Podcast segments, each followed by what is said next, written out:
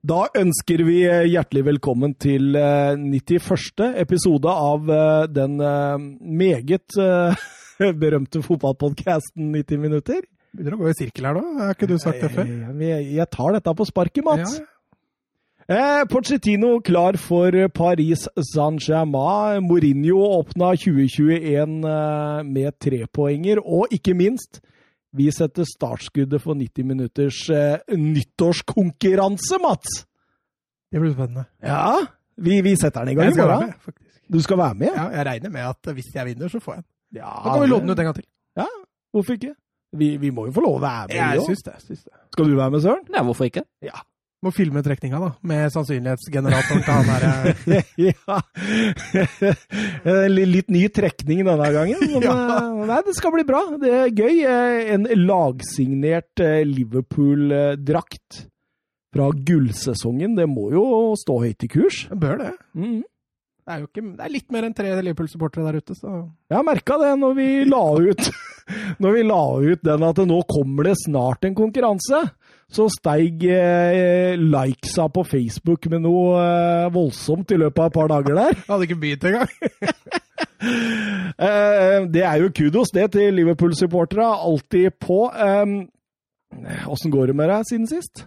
Nei, jeg har det fint, jeg. Nå er det denne forbanna koronaen igjen. Altså, jeg skulle egentlig starta på å trene laget igjen denne uka, her, men det måtte utsettes lite grann.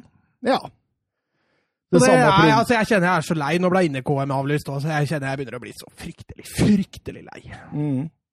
Og, så, og, samtidig som du er lei og ikke får gjort det du skal, så står det fly på fly på Gardermoen med koronafolk på vei inn som Skal jobbe. Ja. ja.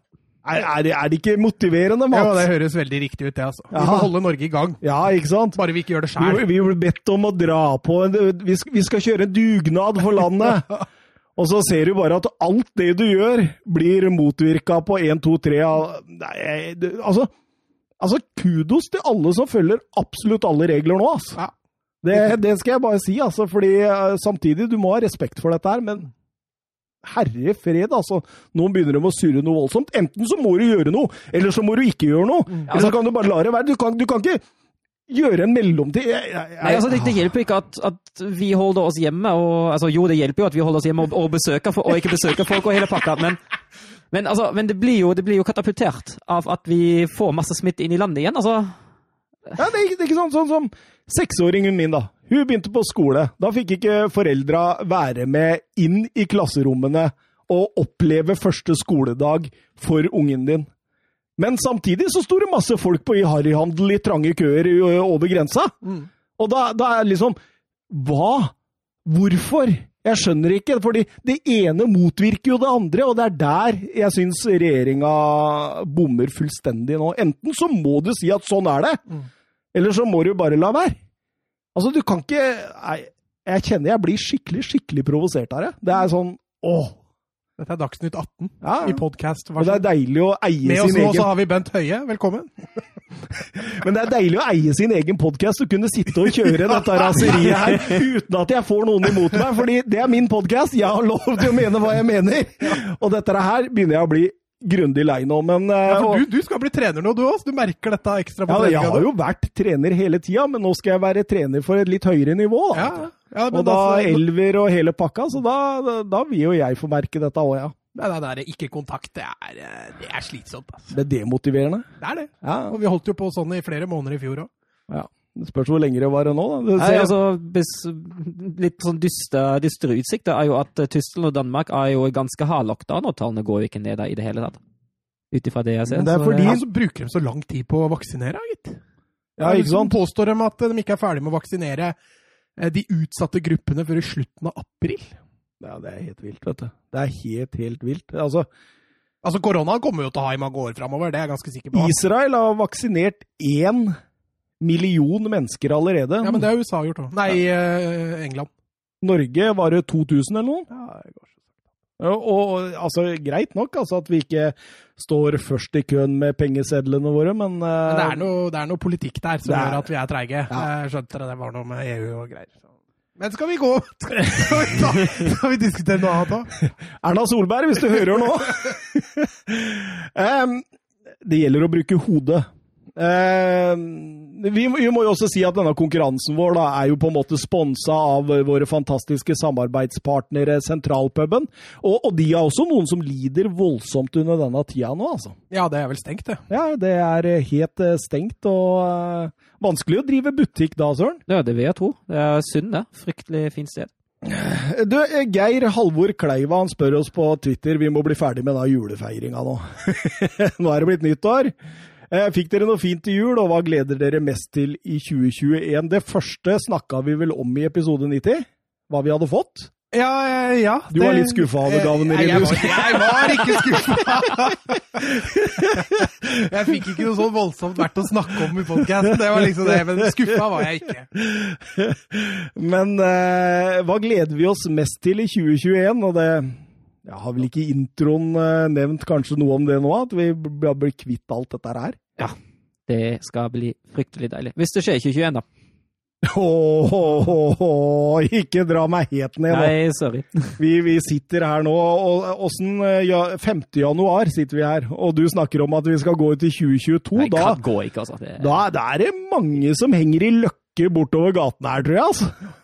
Ja, det sosiale livet er jo Vi må, vi må bli kvitt det. altså. Nå, både få, få på vaksinen så fort som mulig, og så får vi håpe at det Så må regjeringa bestemme seg! Skal de kjøre eller ikke? Ikke sånn, Mats? Mm. Eh, du, vi eh, gjør noe som er mye, mye mye morsommere. Eller ikke for meg. De, fantastiske De fantastiske, de fantastiske ti spørsmåla. Eh, vet du hva, jeg har bestemt meg nå. Lett til sinns.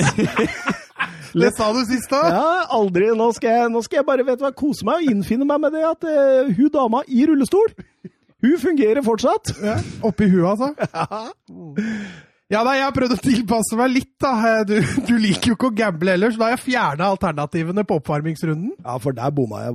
Der. Ja, Du er så dårlig til å gamble at det er helt skummelt. eh, samtidig har jeg valgt et tema som jeg, Det skal bli spennende å se om jeg klarer å arrestere dere litt på, på diverse stadioner rundt omkring i, eh, i Europa. Åh. Um, så får vi se da hvor, hvor, dere står når vi er ferdig med den runden. så ler du? ja, jeg tenkte på det. Jeg arresterer dere så fælt på dette. Du, du, hvis, det, hvis, dere, hvis, det, er en her som vinner, så blir jeg faktisk imponert. Ja. ja altså, jeg får et poeng, da. Ja, ja. ja. Nei, fordi det er, det er, jo sånn at uh, Søren har jo Tyskland som sin uh, vugge, og jeg har uh, England, og jeg forsto det på det at Nei, dere blir ikke testa. Nei, nei, nei, blir ikke testa. Nei, nei, det, det er klart. Jeg, synes, Men, jeg tror de 18 i Bundesliga de har kontroll på. Ja, Men, det vil jeg ha i England òg. Ja. Men da, Ikke, da, begynner, da, begynner vi, da. Ja, vi begynner. Vi begynner med deg, vi, Søren. Hva heter hjemmebanen til Sassolo?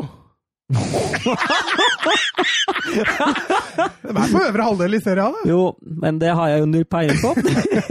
Sassolo stadion. Jeg var nesten. Mapai. Mapai, ja. Du oi. kunne den! Oi, oi, oi! Mapai stadion er det riktige. Da, Thomas, da får vi se, da. Hva heter hjemmebanen til Fiorentina? Oi, oi, oi. Det burde jeg kunne, faktisk. Men siden dette er en eh, podkast som er lett på, lett på tå, så sier jeg pass. Jeg, for jeg kan ikke tenke så Pass stadion er helt korrekt. Nei, det var ikke det. Artemio Franchi Stadio. Ja. Søren, hva heter hjemmebanen til Celta Vigo? ja, så dårlig på det. Celta Stadion. Eh, Balaidos er det riktige der. Thomas, hva heter hjemmebanen til Osasuna? Kunne du ikke spurt om et annet lag, da? Jo, det kommer til slutt. Ja, ok, da sier jeg pass. Pass der, ja. El Sadar er riktig der. Ja, det er jo selvfølgelig! Oi! Søren, hva heter hjemmebanen til Sheffield United? Å, den bør jeg kunne. Oi, oi, oi. Thomas kan den. Ja, jeg antar at jeg kan den som du spør Thomas om òg. Det kan fort skje. uh, åh. Nei, veit du hva, jeg må velge pass. Det er så svakt, altså. Skal jeg si det? Ja, du kan få lov. Bramall-Lane. Du hadde ja, hadde 2-0 på spørsmålet ja, til Søren. Ja, til Søren, ja. Så får vi se da, Thomas.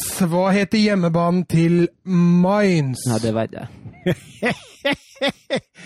uh, Mainz Ammerfurt stadion. Nei, stadion am Borchweg. Ja, har ikke kjangs. Greit. Da går vi over til fem spørsmål. Ja. Sist gang så klarte dere ikke det når jeg kjørte på, så da tenkte jeg da får jeg gi dere litt hint. Og skulle dere være langt unna etter et par spørsmål, så får dere flere hint. Han vi skal fram til nå, han har lagt opp som spiller, men han er manager i en av de ligaene vi følger. Akkurat det samme som sist. Da, da dreiv vi og konsentrerte Ja, men oss nå avslører jeg at han er manager i en av ligaene vi følger. ja, ja, ok. Det gjorde jeg ikke sist. Nei, nei. Og da surra dere. Ja, ja. Men nå veit dere hvor dere skal. Så får dere flere hint hvis dere er langt unna. Så, ja, nå er det jo 0-0, da. Ja, 0-0. åpningsrunden. Så Thomas, du ligger dårligst an, så du kan få lov å begynne. um, ja, ok. Da må vi bare begynne der. Eh, Er det i eh, Italia? Nei. Nei. Er det i Spania? Nei. Er det i Tyskland? Nei. Er det i England? Ja! Oh, yes. Da har dere gjort unna to spørsmål Da kan jeg jo, jeg kan jeg jo eh, begynne å gjette, jeg. Ja, du kan. Noen Nuno Spirito Santo. Nei, det er feil. Eh, ja. Eh, Det er jo ganske mange, mange å ta, Ja, det er egentlig. 19 til. Ja, ja, men jeg tenker på i forhold til Det er jo ganske mange profilerte eh, trenere der, men er eh, treneren eh, engelsk? Nei. Nei, da prøver vi oss med mm, Pep Guardiola. Nei, det er feil. Har han vunnet Premier League som trener? Nei. Oh. Oh. Eh, Carlo Ancelotti. Nei. Ei, ei, ei, ei. Det er vanskelig å komme på disse spørsmåla sånn. Mm. Hva er lurt å si? ikke sant? Men nå har dere gjort unna tre spørsmål hver. Skal jeg droppe et hint til, eller? Ja, Dropp et hint. Mm. Han er født 1982. Oi. Oi, oi, oi. Og så er han ikke engelsk. jeg burde jo kunne det nå. Ai, ja, ja, ja, ja, ja, ai. Jeg, jeg må bare spørre et spørsmål jeg, for å Ja. kjøpe meg tid. tror Gjør jeg. det. Og så får du jo et hint, da, hvis du får et godt spørsmål. Ja, jeg gjør jo faktisk det. Um, er han uh, trener uh, for eh, topp seks? Ja, i, på den måten du Ja, tenker på, så ja, er han det. Da er det Mikkel Arteta. Det er helt riktig, Thomas Edvardsen. Da står det 1-0, da! Oi, oi, Etter to spørsmål. Det var god start. Spørsmål tre. I de vi, ligaene vi følger, hvilken klubb har ennå til gode å tape? Søren. Ja. AC Milan. Det er riktig. Det var et så kjapt Ja, da, da, da, da fryser jeg helt, og så begynner jeg i England. Og så fortsetter vi, altså. Da står det 1-1, og vi går over til en storytell. Vår mann er født 16. april 1977. Må ikke si sånt, da. Ta søren. Nei, nei, nei. nei, nei. Ikke den gang. Med foreldrene Roy Alve og Elisabeth Det var godt, Roy Alve! Roy Alve Er det fra Kautokeino eller noe? og Elisabeth og bror Carl Oskar vokste han opp på, på Vitsjø. Da han var fem år, ønsket foreldrene å flytte til Halmstad pga. jobb. Men vår mann hadde ikke lyst til å flytte, og han jobba hardt for at det ikke skulle skje. Etter mye om og men måtte han til slutt være med på flyttelasset, men dette skulle vise seg å bli et viktig steg i fotballkarrieren til vår mann. Der møtte han nemlig Olle Eriksson. Han ble treneren hans fra han var fem til han var 14, og vår spiller har gitt Eriksson stor skyld for hans egen fotballkarriere. Eriksson har uttalt at forutenom de udiskutable ferdighetene var den offensive spilleren veldig uegoistisk og ofte heller sentra enn å skåre sjøl. Vår mann var også meget allsidig. Han ble ansett som et talent i både ishockey og håndball. Thomas. Han, ja, Henke Larsson. det er feil. Her var du tidlig på den. Ja. Han ble Mm. til og med tatt ut i U15-landslagets håndballtropp. Han valgte etter hvert å fokusere kun på fotballkarrieren. Han debuterte i Allsvenskan for Halmstad i en alder av 17 år mot AIK i 94.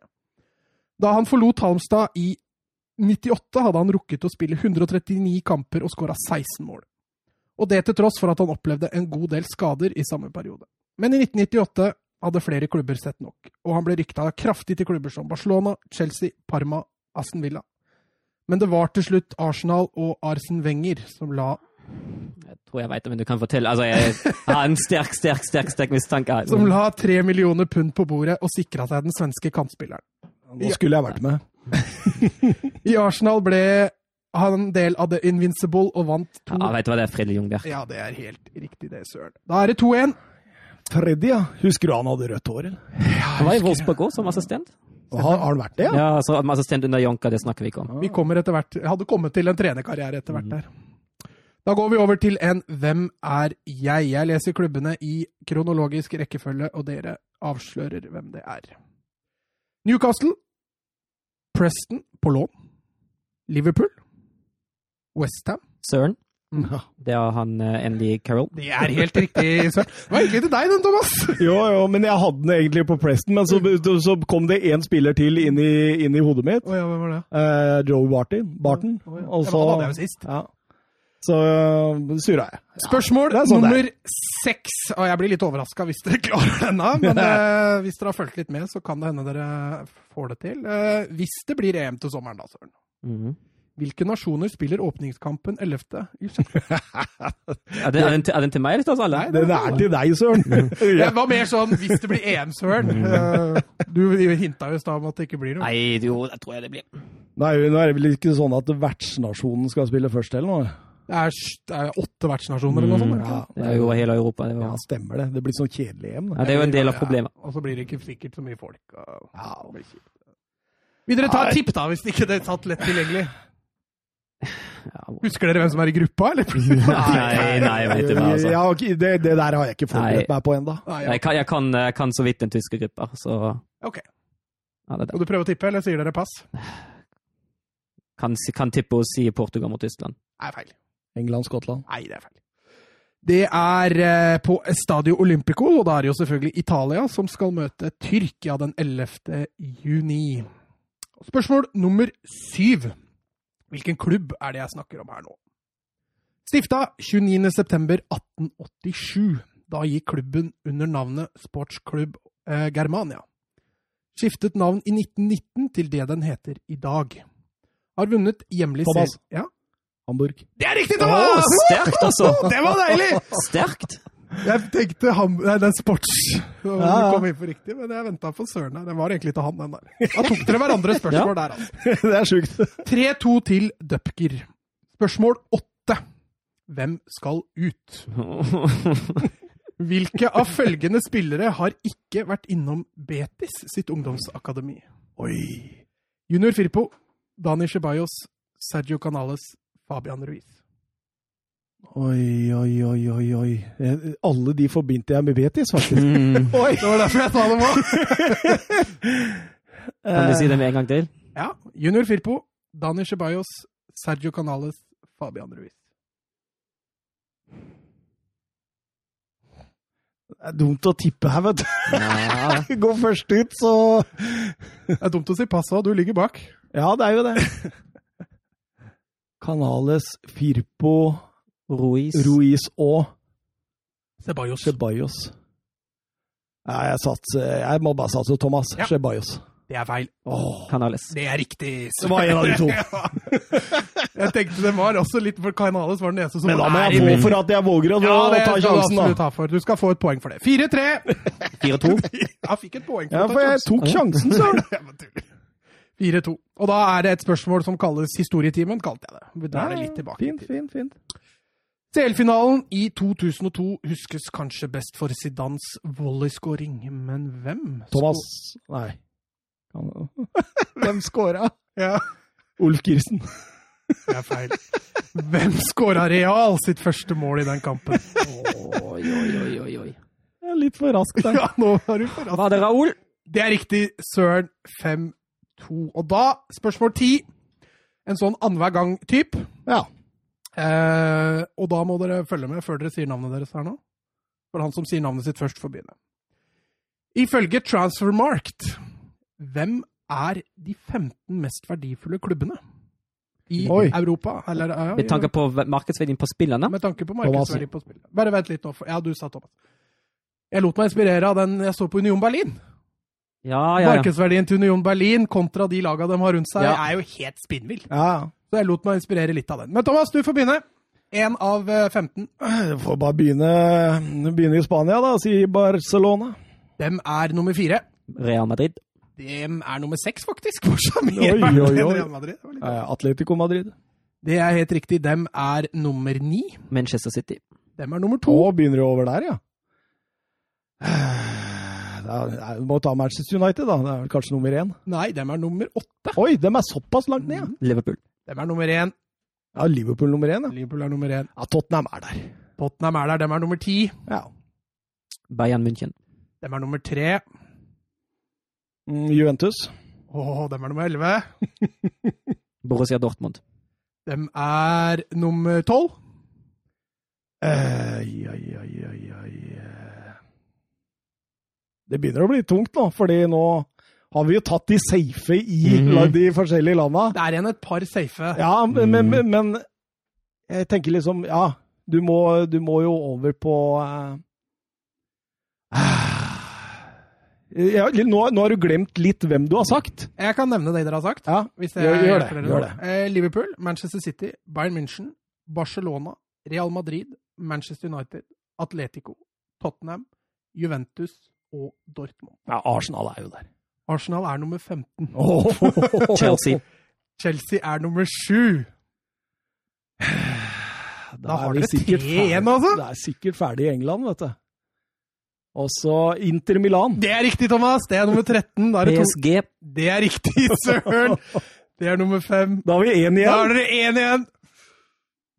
Eh, Hvor kan jeg til Juventus, og så har vi vært gjennom Spania, England der, og så har Paris Saint-Germain 1. Det her er jo og Åssen plass ligger Får jeg lov å spørre det? Ja, ja, du spør, det? herregud, spør i. Hvilken plass Ja, de ligger på? i ligaen sin? Nei, på, i, på den ja, lista de ligger nummer 14, foran Arsenal. Oi, så det er såpass langt til AC Milan.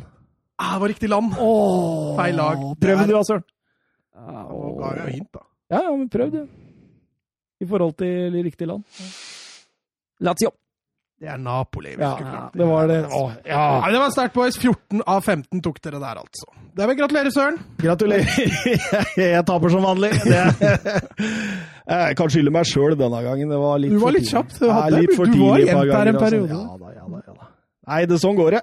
Eh, vi bare setter i gang eh, program. Hadde du premie til det? Ja, han får det etterpå. Ja, ok. Nuss? Nuss. Ja, Mandalnuss.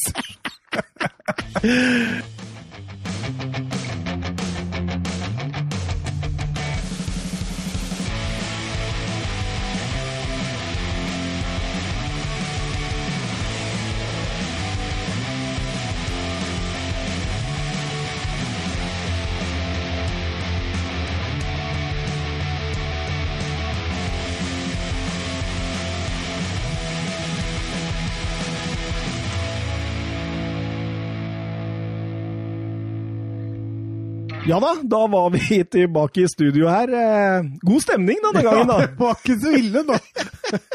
Jeg tror du har jobba litt med deg sjøl den siste uka. Ja, men jeg, eh, altså, jeg, har fått mange sånne henvendelser om at, eh, at det er ti spørsmål folk syns det er kult. Og så har jeg fått mange sånne henvendelser om at Vet du hva, Thomas, jeg syns det er bra jobba, stå på! Ikke sant? Vet du hva, da, da, da du, Det er som en mor forteller sønnen sin at han er ikke så god i fotball, men han er kjempeflink. Ja, ja, ja. Hva er det Søren sa om en sånn pasning her eh, for et par Var det ikke det? Det var i, nei, han, han slo i en god pasning, så derfor var han ja, Det blir litt sånn. Ja, han slo en god pasning. Skal ha for innsatsen. um, vi eh, går rett over til uh, dere grande Premier League og fredagsoppgjøret, faktisk, mellom eh, Manchester United og Aston Villa. Eh, Mats, husker du noe av dette? Jeg tenker på, Det er jo, begynner å bli noen dager siden når de spiller sånne fredagskvelder. Ja, de gjorde det. Det var eh, Jeg gleder meg jo alltid, spesielt når du har muligheten til å, la, å sette deg ned i ro og se, se en sånn kamp. Eh, Og så har United vært i fryktelig flyt for tida. da. Eh, Selv om de ikke spiller nødvendigvis sånn superbra, så går jo alltid resultatet av deres vei. og Det ble ikke noe unntak denne gangen. Nei, men jeg, jeg syns jo liksom Manchester United starter best i matchen, og så jobber Villa seg inn i matchen. Og, og grunnen til at jeg satt og tenkte på hvorfor kjørte United såpass bra, og så jobba Villa seg inn i matchen. Og jeg ser en veldig stor eh, forskjell på presspillet til Aston Villa der. Og, og det er veldig gøy å legge merke til hvis du, eh, hvis du tenker litt tilbake på kampen. fordi I og med United sin diamantformasjon, så ble det alltid overtall på midten. Og det, eh, det Dean Smith gjorde, var at han senka kantene sine og trakk inn treeren på midten, sånn at de blei liketall sentralt i banen. Og da fikk ikke Bruno Fernandes og, og Paul Pogba de store romma, og Aston Villa var inne i matchen. Men de ti første minuttene er noe av det bedre jeg har sett av Pogba i år, faktisk. Ja, jeg syns det begynner å løsne Ja, det litt der. å se ut som en Ja. fotballspiller nå. Absolutt. Uh, Men den venstre altså Jeg syns jo det at innimellom, spesielt da når Villa, som du sier, komprimerer spillet sitt, så, så blir Pogba mer borte på venstresida der. Eh, Men samtidig så skjønner jeg at Solskjær ikke vil ha han i det defensive mellomrommet, for der har han jo surra bort titalls med baller i år. Eh, Men, men hvis de greier å fortsette å spille eh, sånn at de får to farlige mellomromstrusler i Pogba og Fernandes, så, så blir United farlig, altså. For det, er, det er to klassespillere. Ja, altså, altså, ja, sorry. Nei, kjør på. Ja, altså må jeg berømme Fernandes litt. Jeg, et, etter at rommene ble litt, litt trange der altså Han prøver alltid å finne åpninger om. Han beveger seg smart. Han går alltid litt ut av de rommene som Villa er så gode til å stenge. Og så er han ikke redd for å gå i bakrom heller. Nei. Hvis det er mange tiere, de vegrer seg veldig for å stikke i bakrom. Jeg helst skal ha ball i beina eller møte ned i midtbaneleddet. Det er sjelden at de strekker. Jeg skrev vel til eh, dere i, eh, underveis i kampen at fy søren så deilig det er å se en fotballkamp med Bruno Fernandes og Jack Grealish på samme matte. Mm. Fordi du ser også Villa, hvordan de slår seg av og på i forhold til hvor god Grealish er, og hvor mye han er inne i matchen. Det er så ekstremt stor forskjell på når de klarer å få involvere Jack Grealish og ikke. Men slutten av første omgang og i starten av andre omgang så er Grealish enorm. Altså. Han Ja, ja. dikterer så mye. Jeg tror ikke Solskjær fikk mindre lyst til å hente den i sommer etter denne kampen. kampen. Nei, jeg tror kanskje han har lyst til å ha den nå. Ja, nå i Akkurat januar, nå. liksom. Nå. Ja, det tror jeg, tror jeg han skal slite med, altså, tror du, Søren? Ja, det tror jeg, det tror jeg ikke skjer. Men eh, Gå på Sancho isteden. ja. Det kommer i hvert fall ikke til å skje. Sancho, ja.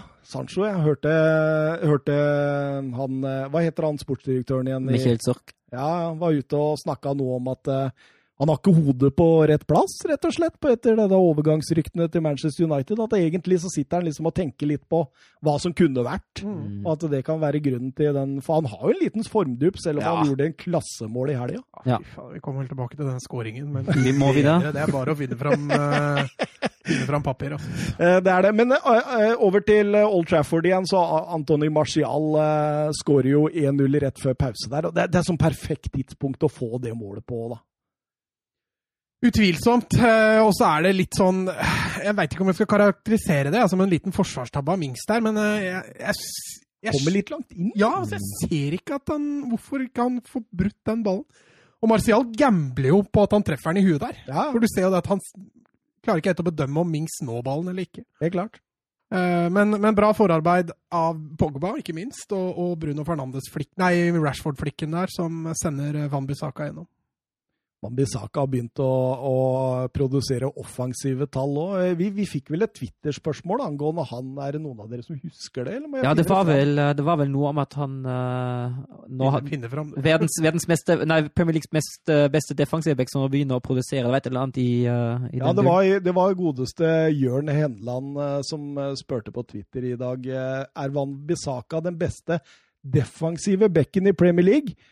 Og hva i alle dager skjer når han i tillegg produserer assist? Og vi har jo vært litt inne på det at hvis du, hvis du hadde på en måte para, som Søren liker å kalle det, Trent Alexander Arnold og Aron Van Bissaka, så har du fått en perfekte back.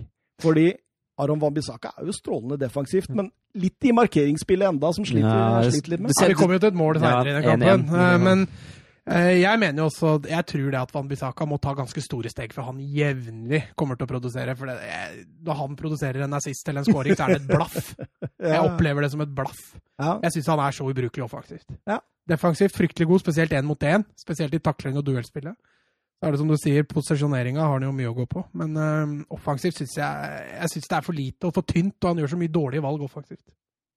Det skal jeg si meg enig i. Eh, syns ikke United var vesentlig svekka den gangen Lindløp spilte høyreback, eh, faktisk. Nei, men det er fordi de offensive bidragene til Wambisaka, mm. de er jo ikke noe Nei, det er, det er ikke noe du savner. Det er jo ikke det. Altså, du, du får en spiller motstanderen må forholde seg til. That's it. Mm, mm. Eh, så nei. Eh, starten på andre omgang, åpen, morsom, end-to-end action. Eh, United farligst, men Villa hadde også sine muligheter, Søren. Ja, det, det gjør de jo. og begge, begge lag er jo veldig direkte i det spillet framover. Utnytter rommet én gang så snart muligheten, eh, muligheten byr seg. Og da blir det veldig morsomt å se på. Og det var en voldsom midtbaneduell mellom Fred og Douglas Louise der. Sandra spør på Twitter får egentlig Douglas Louise nok skryt?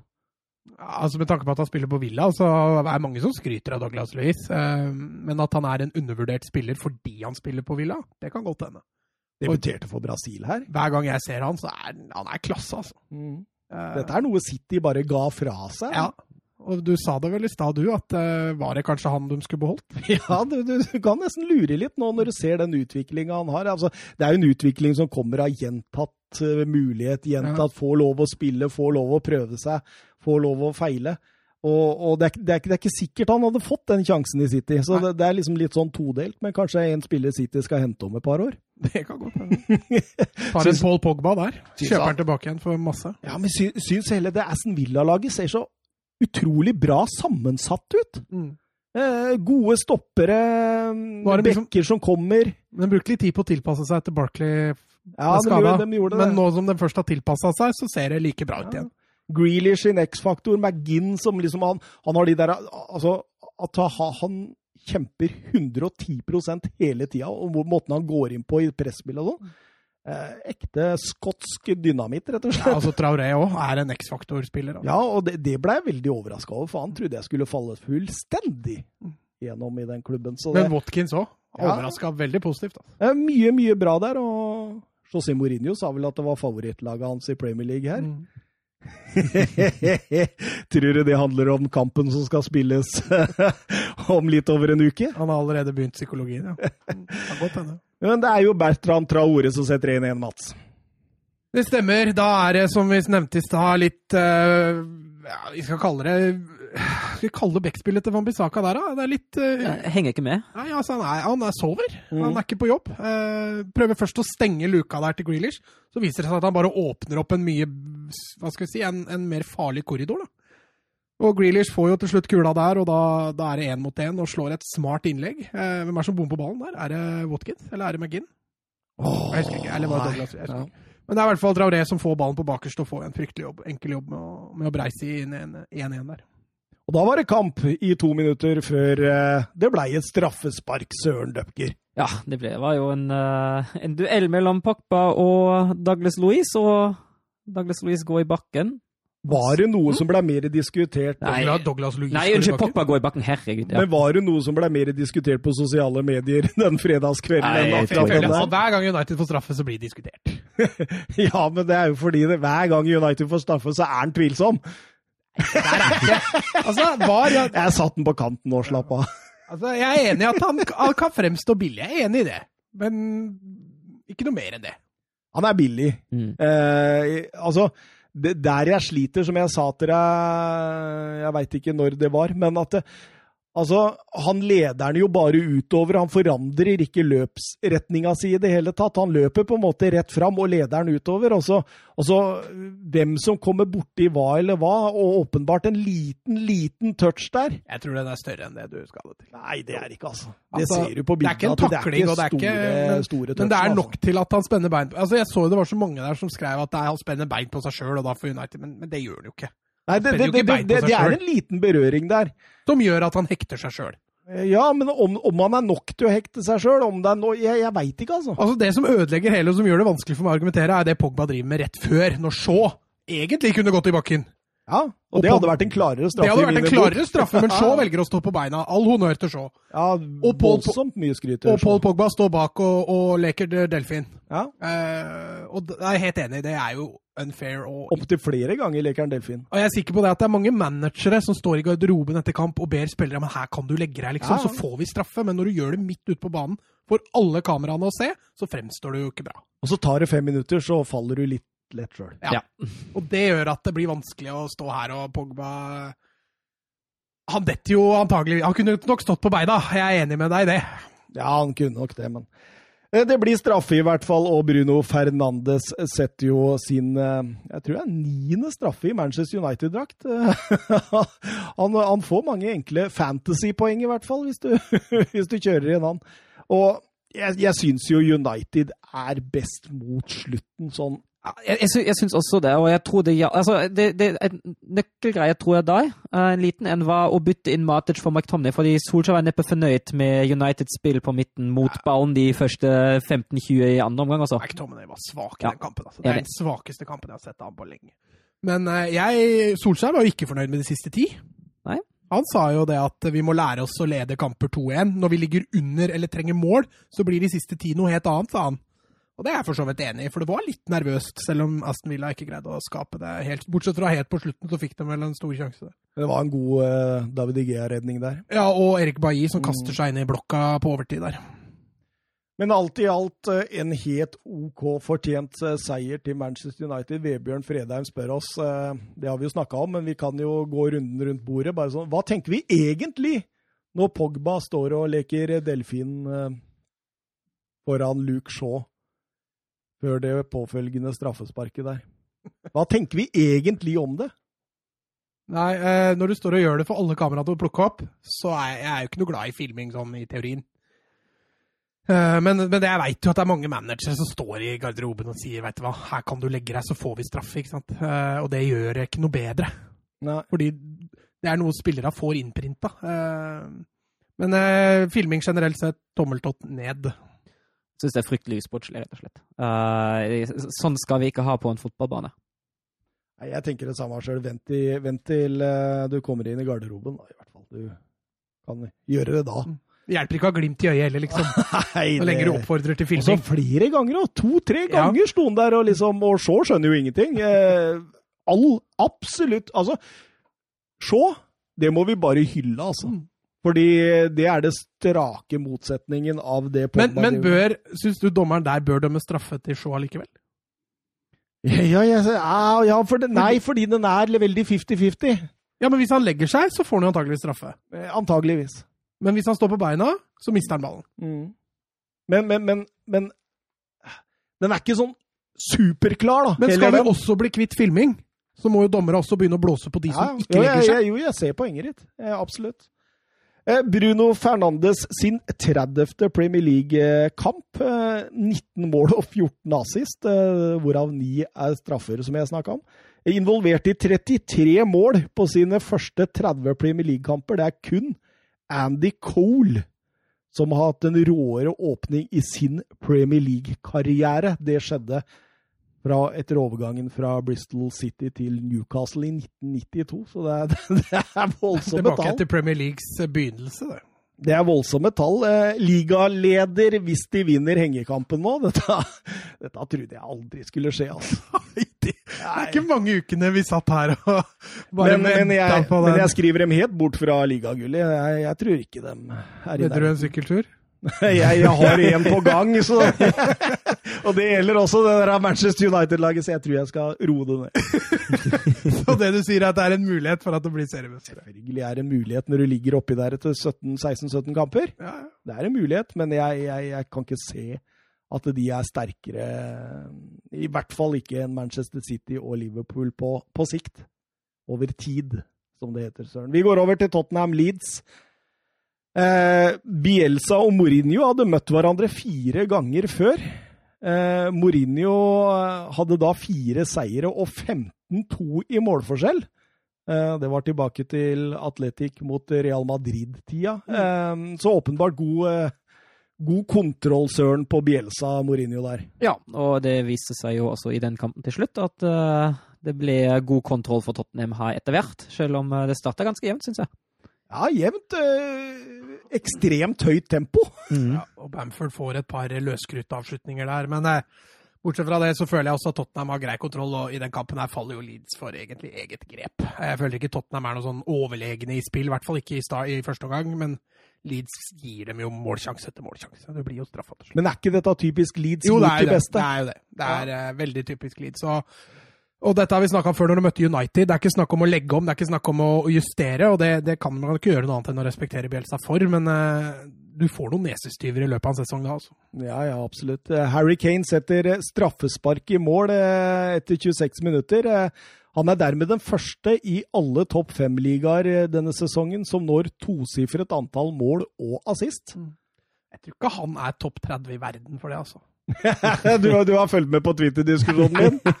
Nei, jeg, jeg, vet du hva? Det, det er det dummeste. Det er absolutt det dummeste jeg har vært med på, altså. Det var ikke vanskelig å fyre deg opp heller. jeg hadde lett satt den på topp 15 også. Ja, ja, ja. ja. Altså, det, du, du, du er useriøs hvis du ikke har han.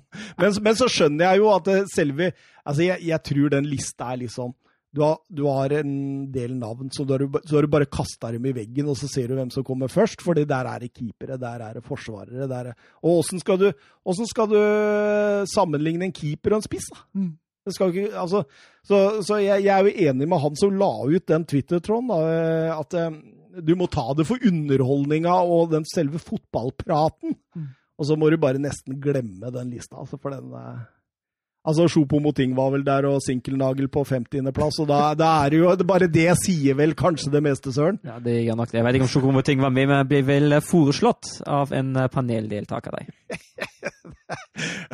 Det, altså, så useriøse er ikke vi engang. Eh, Men uh, Hoeng Min Son han er heller ikke useriøs, og han setter 2-0 rett før pause. Nydelig uh, fremspilt av Kane der. Ja, også vanskelig løp å plukke opp for Leeds-forsvaret der. Kommer inn i full fart, og de har ikke øyre i nakken. og Det er dårlig kommunikasjon antageligvis, og så blir jo pasningen til Kane er jo strøken. Og det kommer jo, det, kommer jo det, det er en tendens som blir litt sånn utover i den omgangen at Spurs begynner å vinne mer og mer andre baller, og det er jo det som leder her til 2-0-målet òg. Ja, og det, det blir veldig mye langt fra Leeds hele tida. Åpenbart at de sliter med å finne de romma. Jeg syns uh, de jobba bra, både, både Wings og, eh, og Høibjerg, i eh, de romma. Og, og Son og Kane, de Ja, det var en 13. mål i denne sesongen de kombinerer, og dermed er det mest i Premier League eh, for én sesong. Nå, Sammen med ja, ja, er kanskje sammen med 17 og Ok, Okay, må ikke, eller, må ikke Må glemme ikke det. glemme Helt, må... det er en av få Blackburn-rekorder vi har her. må Krysse fingra for at Stone og Kane, en av dem blir skada resten av sesongen. Det blir sånn som de der uh, tapsrekka til Ja, ja, Det kan, kan falle neste helg. Ja, det er det verste, vet du. Eh, apropos eh, negative rekorder. Eh, Gareth Bale sin er jo borte òg. Ja, den ble tatt nå, den. Eh, Han er i Sheffield United. Oliver Burke. Ja, stemmer. Han var vel en tur i La Liga i sist sesong. Han, Ja, han var på utlån. han dro 25 kamper, han. Det, det, Fra start. ja, det, det er voldsomt. Eh, eh, ja eh, Det var Son sitt hundrende mål. Så du hvordan Son reagerte? Og, og, og, altså bare ydmykheten etterpå med å Nei, det er ikke min skyld. Det er lagkompisene mine, liksom. Og det er så herlig å høre det samarbeidet de har med Kane der. Nå har de satt Kane og Son ved siden av hverandre i garderoben. På bortekamper så henter Kane Son på vei til bussen eller til flyplassen, og de har blitt veldig sånn Tight. tight, ja. Så det er åpenbart at det har spilt en rolle, og at det er noe Mourinho faktisk har på en måte konstruert. da, tror jeg. Eh, Toby setter 3-0 på, eh, på corner i annen omgang her, og da Ja, da er jo kampen over. Ja. Altså, da, da blir det jo litt transportetap for Tottenham. ut. Den ballen, hvor langt var den over streken? Det var ca. 0,1 millimeter. 0,1 millimeter. Hva er det, hvis du tar og Nei, det, det, altså, det, det er jo flaks man har eagle eye, da, tenker jeg. Ballen hadde jo gått inn uansett, da. Eh, Det var Dyer Dyer, var vel på returen der, men det var, gikk inn på Eagle Eye der og så den marginen. Det var ikke mye, altså. Skår i gleden at Doherty får eh, to gule kort. To billige gule kort. Ja, men altså, hvor idiotisk er det når du leder 3-0 på, og så får du ditt andre gule på over dit? Altså, det er jo helt Jo, unødvendig. jo, men det er, jo- det, det, det, det er jo ikke gult kort, så det, du kan jo Nei, men altså, Du kan jo ikke slutte å være hell selv om du har gult kort. Så jeg, jeg tenker jo at det er en gedigen dommerfeil, jeg, da. Ja, men det positive i det, da får dere Aurier tilbake igjen. Ja da, og han kommer alltid med brask og bram, han. Han skaper overskrifter. Eh, Petter Støvland spør passer det Mourinho som hånd i hanske å møte Bielsa Leeds. Synes det nesten var i overkant behagelig å følge kampen? Ja, han er Tottenham-supporter? Ja. Eh, nei, så Hvis du ser bort fra første 2025, så er jeg for så vidt enig. Når, etter at Kane tar ledelsen, holdt jeg på å si, etter at Tottenham tar ledelsen, så blir det en transportetappe, egentlig.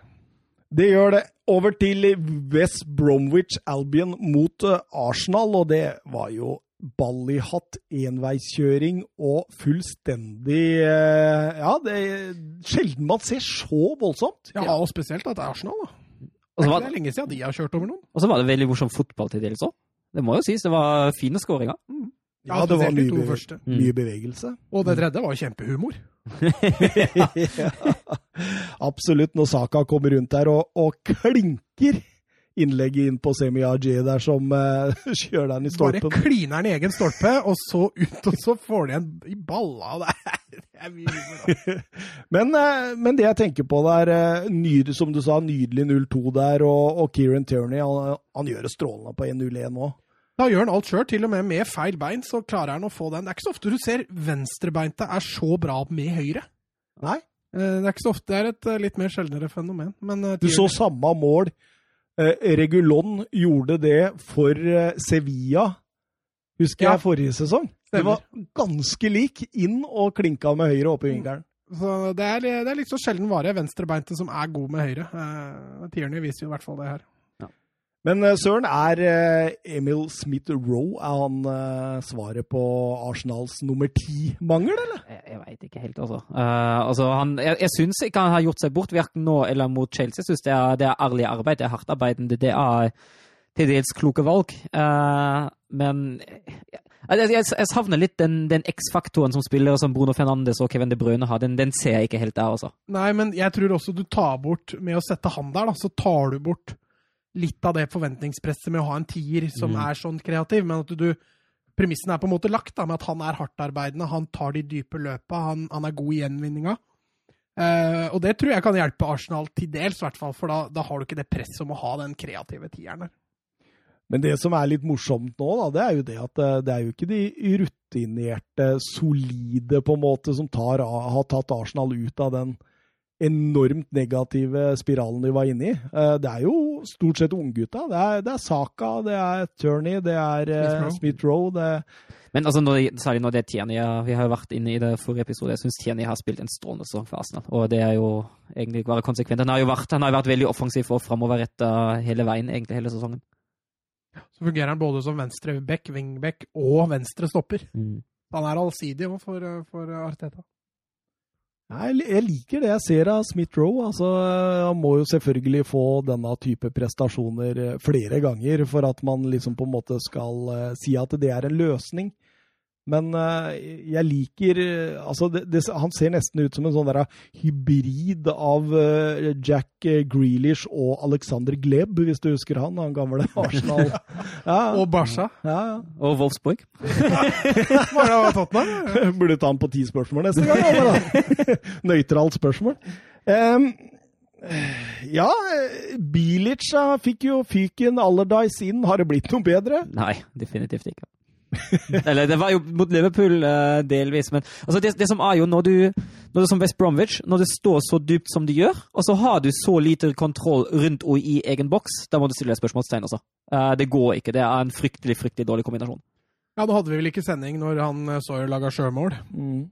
Det var vel eh, Ja, han eh, Trevor Morley har, eh, skulle vel ha med det i kåringa for rundens mål. Hvis ikke det er slemt og mobbing, da skjønner jeg ingenting. Men det, det, er liksom, det var starten på West Bromwich sine problemer. Det var det første baklengset mot Leeds. Etter det har de altså sluppet inn ni mål til. Mm. Nei, åtte mål til.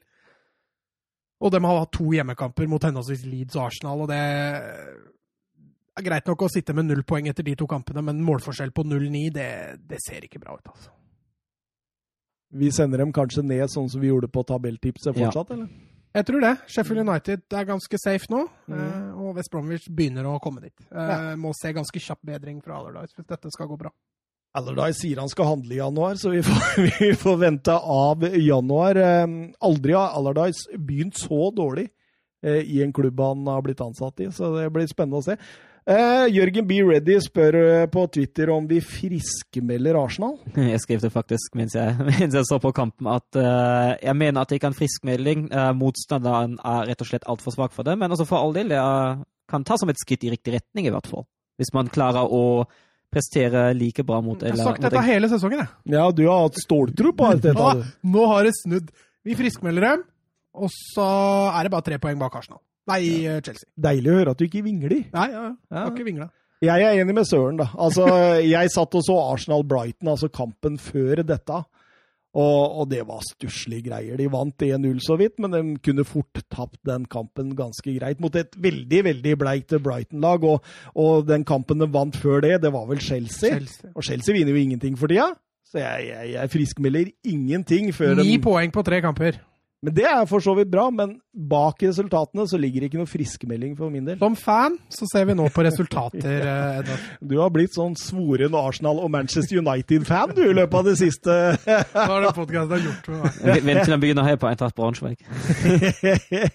Hovedkamp eh, Chelsea-Manchester City. Det 166. oppgjøret mellom de to store gigantene. Eh, Chelsea har 68 seire, Manchester City 57, så det er relativt jevnt. Men i nyere historie har City et lite overtak.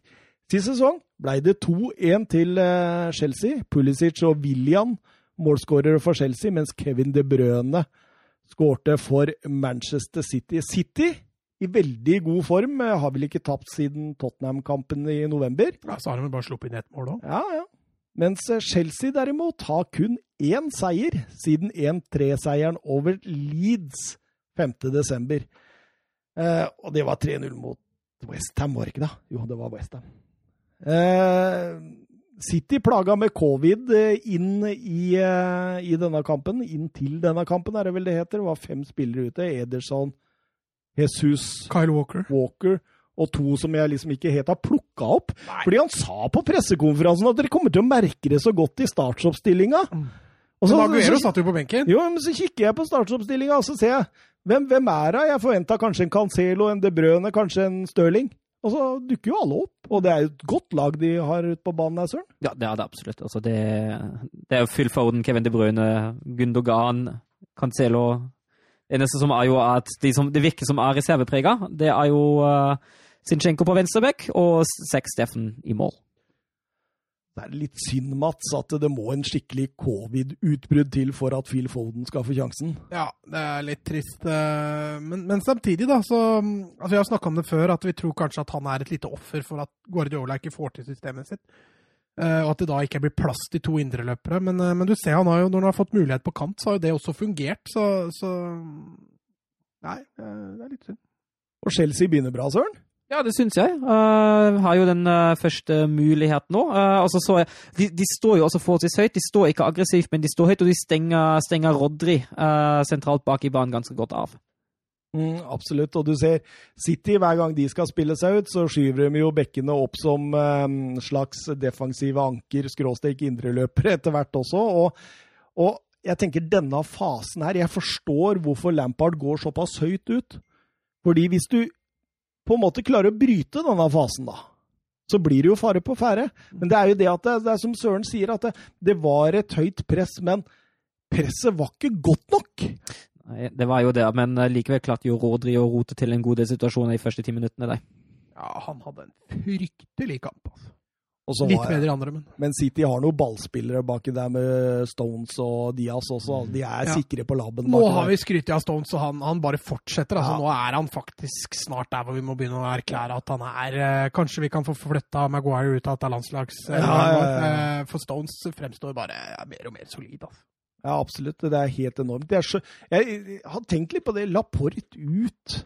Hvorfor det? Stones inn, liksom. Han skulle bli solgt til Everton, og det var ikke måte på, liksom. Og så den revansjen han har tatt nå, liksom. Altså, han ser jo nærmest ut som en van Dijk. Light, ja. ja. Det er helt enormt. Han mangler litt den der, for du ser fortsatt at Ruben Diaz er lederen bak der. Ja. Det er han som gir beskjeder, og det er han som setter linja. Men eh, du ser John Stones i nærdueller, frispilling, alt. Det stemmer, liksom. Alt glir. Mm. Deilig, og- deilig revansj. Ja, herlig. herlig. Og så holder han jo da Laporte, som sier, men også Nathan Akay Ja. på benk. Det er ikke smågutter. Det er ikke tullete gutter, det. altså. 15 minutter, så får jo City sin første sjanse, Søren. Kevin De Brøne.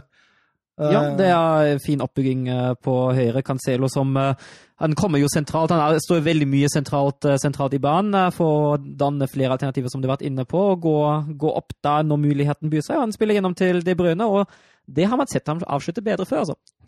Ja, absolutt. Der ser du hvor viktig det er å få disse hurtige spillvendingene. Fordi eh, Chelsea presser veldig sentrert i et område. Men eh, du så også formasjonen da, til City med en slags 4-1-5, kan vi kalle det? Null, ja. Mm. ja. Eh, den, den er ganske revolusjonerende. Én ting er det defensive, da, hvor du da bare spiller uten et første pressledd. Hvor du spiller Mm. med kun to pressledd. Ja. Eh, og det er ikke noe uvanlig, det er mange som har gjort før. Men du ser den overgangen, måten de Hvor fleksible, hvor dynamiske de er idet de vinner ball. Mm. Det er ikke noe vi har sett City gjøre alltid på den måten der. De har plutselig tre indreløpere. ja Det er sjelden. Det, det er jo til og med ikke Guardiola glad i indreløperne sine, altså, men å spille med tre indreløpere, det har ikke jeg sett han gjort så ofte før. Nei, altså eh, Hvis du går 20-25 minutter inn i den kampen der, og så, og så sier du til eh, han som sitter ved siden her at eh, si til meg hvem som er høyrebekk, hvem som er høyre kant, hvem som er indreløper, så, så, så vil de aller, aller fleste få et problem. Mm. Så dynamisk er det. Mm. Eh, veldig artig å se på. Ja, jeg jeg syns det er fantastisk. Jeg syns, syns igjen at fotballen er altfor opphengt i formasjoner, og det, er, det spiller absolutt en rolle i det defensive spillet. Eh, men jeg syns i det offensive spillet er akkurat den dynamikken, bevegelsene, rommet du skaper, er mye viktigere enn de rene tallene, og jeg syns det er kjempegøy å se. Mm. så du, du har en De Bruyne i front da, som er så bevegelig. Han er ekstrem i først, som første press. Han, han har ofte den som gjør enten andre- eller tredjemannsbevegelsen, som ofte er det geniale, da, som løser opp. Og, og utover ja, Nå forgriper jeg litt, men utover i den kampen Å, gud bedre for den andre. Jesus. Men, men altså, du, du ser også i første omgang, når han, han, sånn at han forlater en falske nier for å støte og gi overtall bak, så er det Gundogan som støter opp i det rommet, og de motsatte bevegelsene de to har med hverandre, de er helt gull. Og det ser de jo før, før 1-0-målet òg. Du kan også drøkke inn Bernardo Silva i den miksen, Mm. for han også er med og bidrar til akkurat det der. Tror han løp 20 km i den kampen der. Bernardo Silva. Ja. Men også det du ser når han begynner å nærme seg skårings... Da blir det litt egoistisk. Da er vi tilbake igjen, for han mangler målet sitt i år. Ja, ja. Han har ikke skåret ennå. Og det ser du, han tar ofte litt feil valg i forhold til avslutninger. Men, men ellers i den kampen der, han gjør vanvittig mye bra. Som du sier, han legger ned vanvittig mange meter. Altså. Og det tar jo bare to minutter etter De Brønes store sjanse at eh, Gundogan setter eh, 0-1. Ja, da er det jo De Brøne som støter ned og skaper overtall, uh, overtall på venstre. Uh, og ballen kommer ut til Zinchenko. Han legger den lavt i midten til Forden, og Gundogan støter, som nevnt, i det rommet som De Brøne nettopp har forlatt, og plasserer den fint nederst i hjørnet. Tiago Silva der, altså. Der blir du litt for treig. Ja, blir Det går fryktelig sakte, faktisk. Eh, Der er han 36 år, og, og vel så det. Og Gundogan Altså, vi skal ikke ta fra avslutningen noe, skal ikke ta fra den avslutningen, men der har han faktisk tid til å orientere seg hvor han har mål og sånne ting. og Det, det kan du ikke tillate eh, når du er stopper. altså. legger han fint i hjørnet der, og, og vi får jo knapt nok eh, satt oss igjen, holdt jeg på å si, før Phil Foden gjør 0-2. Ja, da er det jo De Brøne som gjør strøkent forarbeid, og, og igjen markeringsspill i boks hos Chelsea er totalt fraværende. Phil Foden får stå mutters aleine på første stolpe på femmeteren. Ikke i offside, det skal ikke være mulig, og da, da blir det enkelt, altså. Men uh, den der lille brytinga som uh, Thiago Silva gjør der er Voldsomt urutinert. Ja. Ja, du tenker på den sklitaklinga? Ja, bare hvor han- takler han ballen takler til jo ingen. Nei, nei, han tak jo, men han prøver å komme først. Ja, ja. Det er mulig han feilberegner, men, men den taklinga må du klarere lenger. En fin pasning til De Det Bruyne. Men De Bruyne skal også ha skryt, for etter at De Bruyne slår den pasningen, så stopper han ikke bevegelsen sin. Han fullfører. Ja. Og det gjør at han kommer i glimrende posisjon når han får igjen den andre ballen. På dette tidspunktet er Chelsea rista. Da, Ja. da, det er som et godstog har kjørt over dem. Ja, og du, du ser det også, fordi hver gang Chelsea, nei, ja, Chelsea mister ballen framover, hver gang blir det masse rom for City-spillerne, og det blir, det blir farlig nesten hver eneste gang. Kontringssikringa er helt borte. Ja, men det er som du sier, de er rysta. Altså, Én ting er det defensive frispillinga og alt det der, men en annen ting er de offensive bevegelsene og pasningsspillet på Citys banehalvdel. Totalt fraværende. Bevegelsen stemmer overhodet ikke. Dette var garantert noe Lampard ikke hadde snakka om før kamp. Eh, altså i forhold til bevegelsene Ja. de skulle ta. Og, og her tror jeg Chelsea står og klør seg i huet. Hva skjedde? Hva Mm. skjer? Ja, absolutt. Jeg tror det, det mangla litt svar der. og spill, Du ser spillere bli slående ut med hendene, og, Mm, og, og du ser det veldig, altså, spesielt på Timo Werner. Da, så synes jeg Han jobber som en sånn ensom ulv oppå der. Men jeg syns i den kampen her òg han blir jobbende altfor mye med ryggen mot mål. Ja. Det er for mye møting. ikke sant? Altså, Werner er jo best klart best når han er rettvendt. Men, men da, Hvorfor ikke prøve å sette opp han riktig bedre? ja, det, det er jeg helt enig i, for det jeg reagerte på, eh, det er at Chelsea fortsatt slår en god del indeks, i begynnelsen av kampen, og så starter du med, med Timo Werner på topp. Altså, Enten så må du tilpasse den taktikken som du var inne på, når du ikke, når, at du ikke slår innlegg, men faktisk bruker spissene for det de er best på. Eller så må du bruke Giro. Altså, det, det går jo ikke i den kombinasjonen der. Når du slår Ja. masse høyt, høyt i den boksen der, så har du Vena der inne. Det er som du sier, Første kvarter, 20 minutter, tenkte du dette er jo reprise på det Chelsea drev med sist. Med Ja. da Abraham som spiss, Mm. som egentlig ikke er så mye bedre enn Werner. I hvert fall ikke på huet. Nei, nei. Uh, og så fortsatt da, så sitter Giroud på benken. Men det skal sies at Chelsea kommer jo til færre og færre innlegg utover i kampen nå.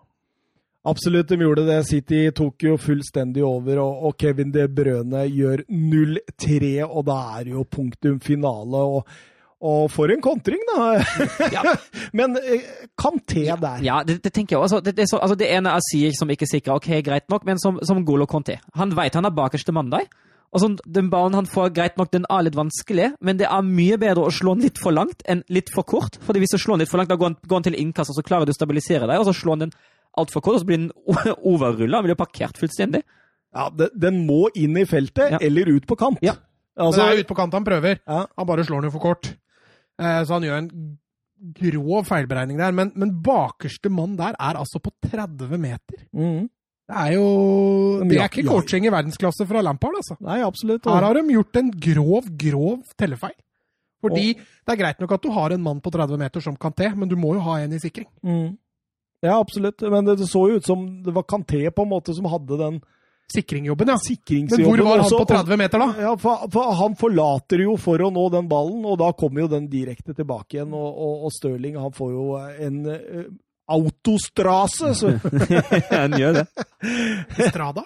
Nei, Autostrada er italiensk, italiensk, autobahn på tysk. Autostrada. eh, er gate på tysk. Ja, stemmer det. Ja, altså motorgate. Motorgate.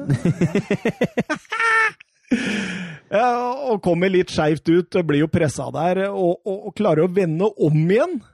Og dra den i stanga. Og... Men jeg syns den ene lille eh, vrikken han har på rumpa der, Stirling, som gjør at Kanté stopper opp lite grann, som gjør at han får det lille forspranget igjen når han er innafor 16, Mm. Nei, det er nydelig. ass. Det er litt sånn Messi over det. Absolutt. Eh, og så klarer han jo ikke å runde det Mendy, da, men, eh, men at han får til en så bra avslutning der i tillegg, er strålende. Han har is. Han har litt is i magen. Ja, han venter og venter Ja. og venter og venter på den riktige. Nå finner han jo ikke den riktignok, men ender godt. Ja, det gjør det når det brødet er på 3-0 der. Og, og sterkt av De Bruyne òg. Altså, her har Stirling spurta over hele banen, dribla et par ganger, og så skyter, og så er det De Bruyne som er først på returen. ja, Da har han spurta greit, han òg. absolutt eh, De Brønes fjerde mål mot Chelsea. Dermed er han eh, den spilleren som har skåret mest mål mot Chelsea som tidligere Chelsea-spiller. Ja. Ja. Det begynner å bli en del av dem òg. Ja, det gjør det. det, det gjør. Eh, Gundogan en eh, stor en, rett før det blir litt jålete der i avslutninga si. Eh, men man går til pause med 0-3, og Chelsea ligger dermed under til pause eh, 0-3 på Stamford Bridge. For andre gang i Premier League-historien. Eh, det var aldri eh, det ligger under mer enn 0-3, men det har bare skjedd én gang. Det var mot Kan dere tippe? Tottenham, da? Nei. Barcelona. Nei, det var ikke, det var ikke den mot, Premier League-historien. Nei. Det var, det var ikke den mot, eh, det var ikke den mot VBA nå som de spilte for, i for lenge siden. Nei, det, Nei. det var ikke det. Det var mot Burnley i, i 2017. Da leda Burnley 3-0 til pause på Stamford Bridge. Eh, Det blei 2-3. Så Burnley eh, hadde den rekorden. Nå er det også City med der. What to do, tenkte jeg for City nå. What to do? Hva hadde jeg, ja, nei, for Chelsea. Hva, hva hadde jeg gjort hvis jeg var, var Lampard? Jeg ville i hvert fall eh, fått inn noen friske ja, nye bein og forandra litt. Jeg satt og tenkte hva slags bytter er det han gjør Ja, nå? ja. Og så kommer det ingen. Kom det nada? Jeg er helt sjokkert. Det der taler ikke for at Lampard får fortsette. altså. Når du, ikke, altså du har blitt rævkjørt i 45 minutter, ikke 45 da, i, i 35 minutter. Du ligger under 0-3, og så gjør du ingen spillebytter eller forandringer på, på laget. Nei, og det Altså, de spiller på seg brudd på brudd, og det, det, det går litt på det samme som i første omgang. Mm. City kontrollerer, Søren. Ja, gjør det. F faktisk full kontroll òg, både offensivt og defensivt. Det er jo bare ett lag som spiller fotball nesten der, altså. Jeg syns også utover i andre gang så blir City flinkere til å holde på ball. Mm. De er litt mer fokus på å forsvare seg med ball. Eh, litt mer frustrerende for Chelsea. Tar ikke voldsomt risiko Nei, der det gjør heller. de ikke. De forsvarer seg med ball. Det er rett og slett en profesjonell annenomgang Mm. eh, som blir litt, eh, litt eh, ødelagt eh, helt mot slutten. Da. Det, det kunne jo stått eh, 0-3 inn, men Ja, litt, er litt synd for, uh, for Sex Steffen at han får ett skudd på mål i Premier League-debuten, og den, uh, den sitter. Uh, og så får han ikke gjort så mye mer. Eh, litt positivt for Kai Havertz at han eh, faktisk får seg en assist. Ja, fordi Han sneik seg inn på topp tre-en din, han da. Ja. Kai Havertz sin. Definitivt. Timo Werner på to og Havertz på én. Men, men, men jeg, jeg tror ikke vi snakker så mye om den andre omgangen, fordi det, det gikk i det samme tempoet. Det gikk i det samme. Chelsea gjorde ikke noe spesielle store forsøk i det hele tatt, egentlig, på å snu, på å snu kampbildet. Det, det, det eneste var at de begynte å presse litt mer aggressivt høyt. Men det var så lite gjennomført at City klarte fint å spille seg av det. Ja, det var litt av det samme de Ja. gjorde i første omgang, helt i starten av den. Det er gøy å se. Jeg syns det var positivt innhopp av Hudson Odoi, og så var det gøy å se eh, Billy Gilmore. Ja. Uh, han blei vel bytta ut fordi Kanté var litt i faresonen for et rødthet. Begynte med en forferdelig feilpasning, og så vokste han litt utover i Ja. matchen. der. Uh, og så som du sier, da Havertz kommer jo inn der. Um, men bortsett fra det, så syns jeg uh, Nei, det er ty dette er tynn suppe, altså. Fra Chelsea. 87 minutter der når eh, Werner skal ut og ta corner og treffer Ko- ja. kun cornerflagget. Det Det bare sier litt om Chelsea. Men jeg kan også nevne når Siertz blir bytta ut der. Det er Ja. greit, han er skuffa, laget ditt ligger under 3-0. Ja, faen, kom deg av banen. da. Ja. Løp, i ja, hvert fall. tenker jeg også. Tusler av deg med en sur mine og furter. Resultattipset, Søren. Ja, Det gikk jo fint, da. Ja, du fikk et poeng, du. Ja. Eh, Tippa 0-1 til City, jeg og deg, Mats. Vi er i uføre. Null poeng. Men jeg, jeg, jeg har jo redda meg litt på det før, da, for jeg, dere tipper jo først. Ja, Så har jeg bare vært snill og Ja. tippa det motsatte av det dere har gjort. så går det alltid går, Så har det gått inn et par ganger, da. Du, har jeg- til og med tippa på en annen kamp, du, Mats. Ja, men nå jeg lurer på om jeg må være litt smartere og begynne å tippe det samme som Søren. altså. Ja. Taktisk lur. Taktisk tar en litt kynisk, kynisk Ja, du leder jo for så vidt fem poeng, da. Ja, jo, jeg kan Alt, alt kan skje. Ja, To treff nå, så er du Ja, der. må treffe litt, ja. Jeg som vanlig er dårlig til å tippe. Ja, du gambler dårlig, ass. Ja, men jeg gambler litt òg, vet du. Eh, Kevin De Brøne har jeg på mine tre poenger. Du klaga på meg for at jeg eh, tok mine poeng alltid til sist.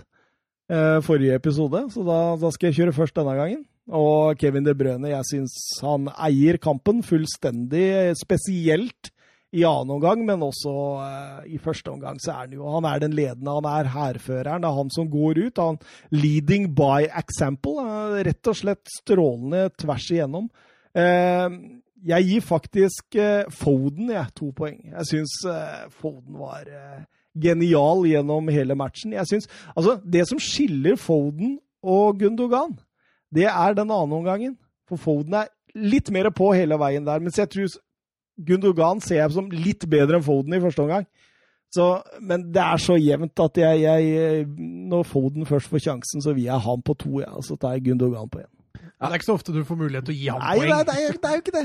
Jeg er enig med Kevin De Bruyne på tre, eh, og så har jeg tatt Gundogan på to. Eh, jeg er enig i at han, eh, han er litt bedre enn Foden i første, og så er Foden litt bedre enn Gundogan i andre, men da tenker jeg da er kampen avgjort. Eh, så det, han har jo gjort den, den jobben han, han skal, og så har jeg faktisk fylt Foden på én. Jeg vurderte også Cancelo. Ja, jeg har Cancelo på én.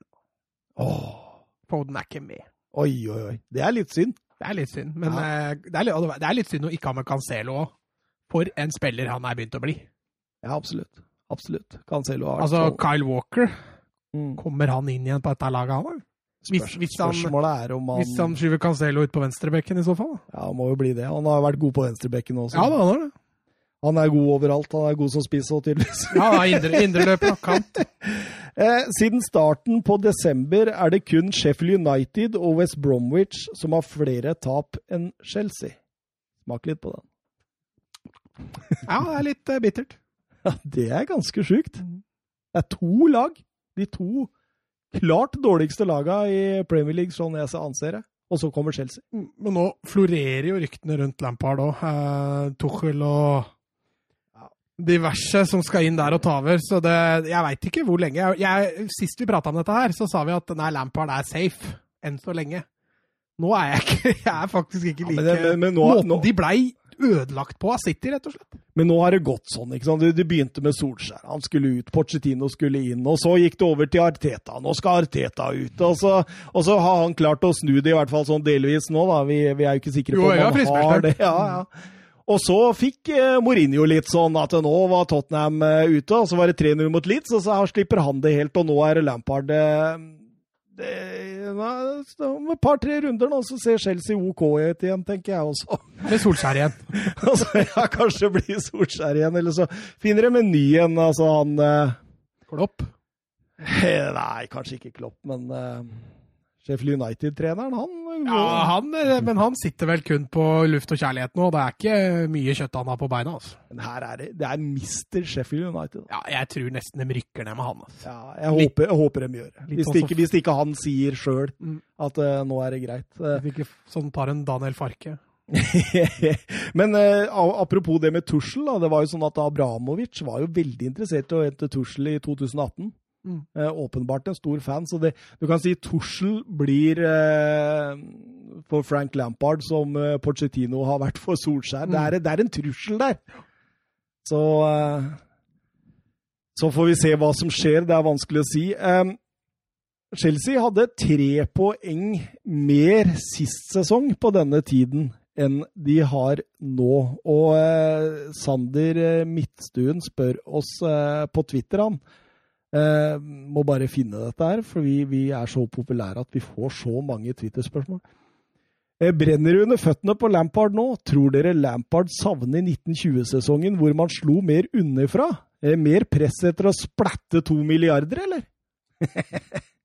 Ja, det er det jo. Det vil jeg jo si.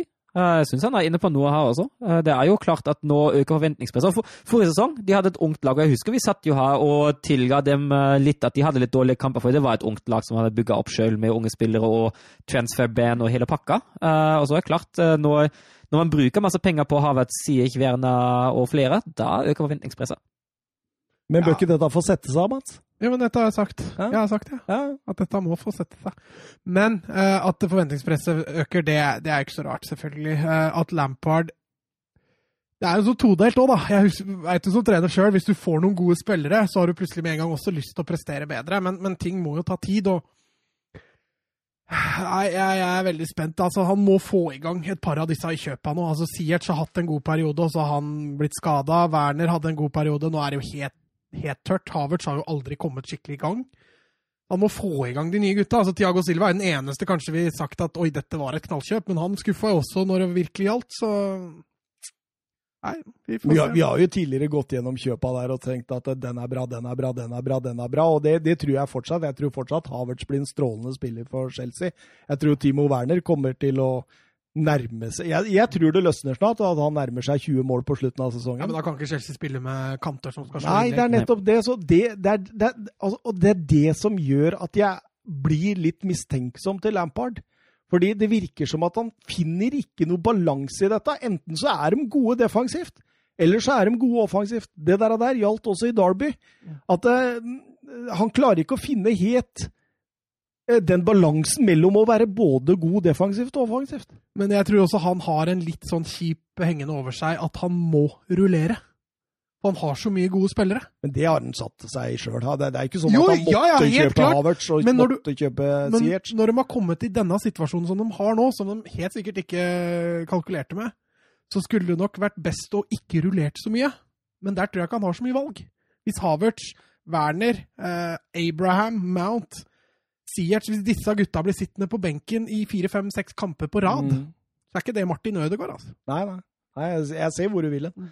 Uh, Southampton, Liverpool uh, Ja, det, det starta jo bra for Southampton. Ja, pangstartet pangstarte. Uh, fint frispark av uh, Ward Prowse. Hva Alexander Arnold driver med da, det vet jeg ikke helt. Og så lobba, lobba Ingsten over Eller sånn nydelige nydelig mål. Fantastisk. Jeg tror han mente det, Mats. Nei, det, det tror du ikke, Thomas Edvardsen. Det var en eh, pass, og du ser også Er det Steven som er der? Ja. Han blir skuffa når han ikke får den ballen. Altså. Og du ser det tar lang tid før han skjønner at han har gått i mål også. Eh, fantastisk. Og jeg syns jo Southamptons førsteomgang her er strålende. Ja, altså det, det de er kjempeflinke på, uh, det de vinner veldig mye på i den første omgangen, det er å isolere Salah Mané og Femino på topp. Uh, de, de Liverpool-spillerne klarer ikke å komme etter. Det slås mye langt på de, og det har Southampton stort sett veldig god kontroll på. Uh, og Det skyldes jo først og fremst det høye presset som Southampton legger på. Tvinger Liverpool til å slå langt, hindrer at bekkene og midtbanespillerne kommer seg opp, og da er mye gjort. Det var litt Aston Villa over det, eh, innimellom. Um, I hvert fall i kontraen. Du ser jo fort så Southampton vinner ball, så er det bare første pasning skal gå framover. Mm. Uh, men, men uh, all skryt Men hvis du sett sånn, Hvis du spiller sånn boksing og sånn på play, no, Det er lenge siden jeg har spilt den også, så du må arrestere meg gjerne. Men så starter du med 100 når du begynner å bokse. Ja, ja, og så går det nedover. Ja, så du da, går det nedover etter hvert som du får deg på trynet og sånt. Ja. Når Southampton går til pause der, så er den på 20% De har brukt ja. opp 80% i den første gangen. Southampton. Ja, ja. Det er eh, Husker han hva, hva han het? Yoko Sako eller noe sånt på Tekken, husker han? Har, Spilte dere Tekken? Nei, jeg har aldri spilt Tekken. Ja. Jo, Yoko, jo, hva het han igjen, da? Yoko Shima. Jeg husker Ken. Ja, men han med sverdet. Han der metallkaren med sverdet. Shredder. Du tenker på Turtles, du. det er det verste jeg har hørt. Eh, men eh, til, så kommer jo Liverpool ut i, til pausen der og, og åpenbart eh, fått justert litt og setter et voldsomt press. Og, og det presset Jeg tror ikke Hazelhutl har sagt til gutta at nå bare detter vi bakover. Dette er et press mhm. fordi Liverpool er så gode som ja, de faktisk er. Og, og litt fordi det jeg sa med at uh, det var begynt å bli tomt. Ja, men, tomt i tanken, ja. ja. Men altså, det første jeg tenker når Liverpool kommer ut i pausen og går opp i 100, det er sånn det jeg har savna i hele første omgang. Jeg har savnet et Liverpool som ligger skikkelig press på en motstander. Jeg har savnet et Liverpool som er litt mer framoverrettet enn det de var i, uh, i første, og finner litt bedre løsninger. Det kommer først men, i, uh, på overtid. Jo, men der ser du også litt forskjell på Southampton. For når Southampton først vinner, altså de første ti minutta, så var ball possession 90-10. Mm. Det har jeg nesten Jeg tror ikke jeg har sett det før. var det ikke Barcelona mot Celtic når de tapte der, da? jo, jo, men da tar jo Barcelona fullstendig over på slutten. Altså, ja. De hadde mye før det, og det er ikke det. Men når Celtic skal forsvare ledelsen, da triller jo Barca ball hele tiden. Men i den kampen her, så begynner det jo allerede etter 50. Ja. Eh, og Southampton, forskjellen på første og andre gang med Southampton er jo at de Så fort Southampton vinner ball, så går det framover. Det går løp framover. Du ser i andre omgang der, når Southampton vinner ball, så er ikke de løpa framover. De må begynne å spille sidelengs, og Liverpool kan sette det presset som Søren etterlyser. Ja, eh, men, men, samtidig så tenker jeg Så vi veldig mange store sjanser? Nei, vi gjorde ikke det. Nei. Men det var et offerofrende forsvarsspill her, altså. Så selv om de traff 0% på energi, og det fortsatt var igjen 20 minutter av den kampen, så var det et ekstremt offensivt eh, Eller offervilje Liverpools altså. første må, skudd på mål var i det 75. minutt. Det er mm. nå Forster Mané der på Mané.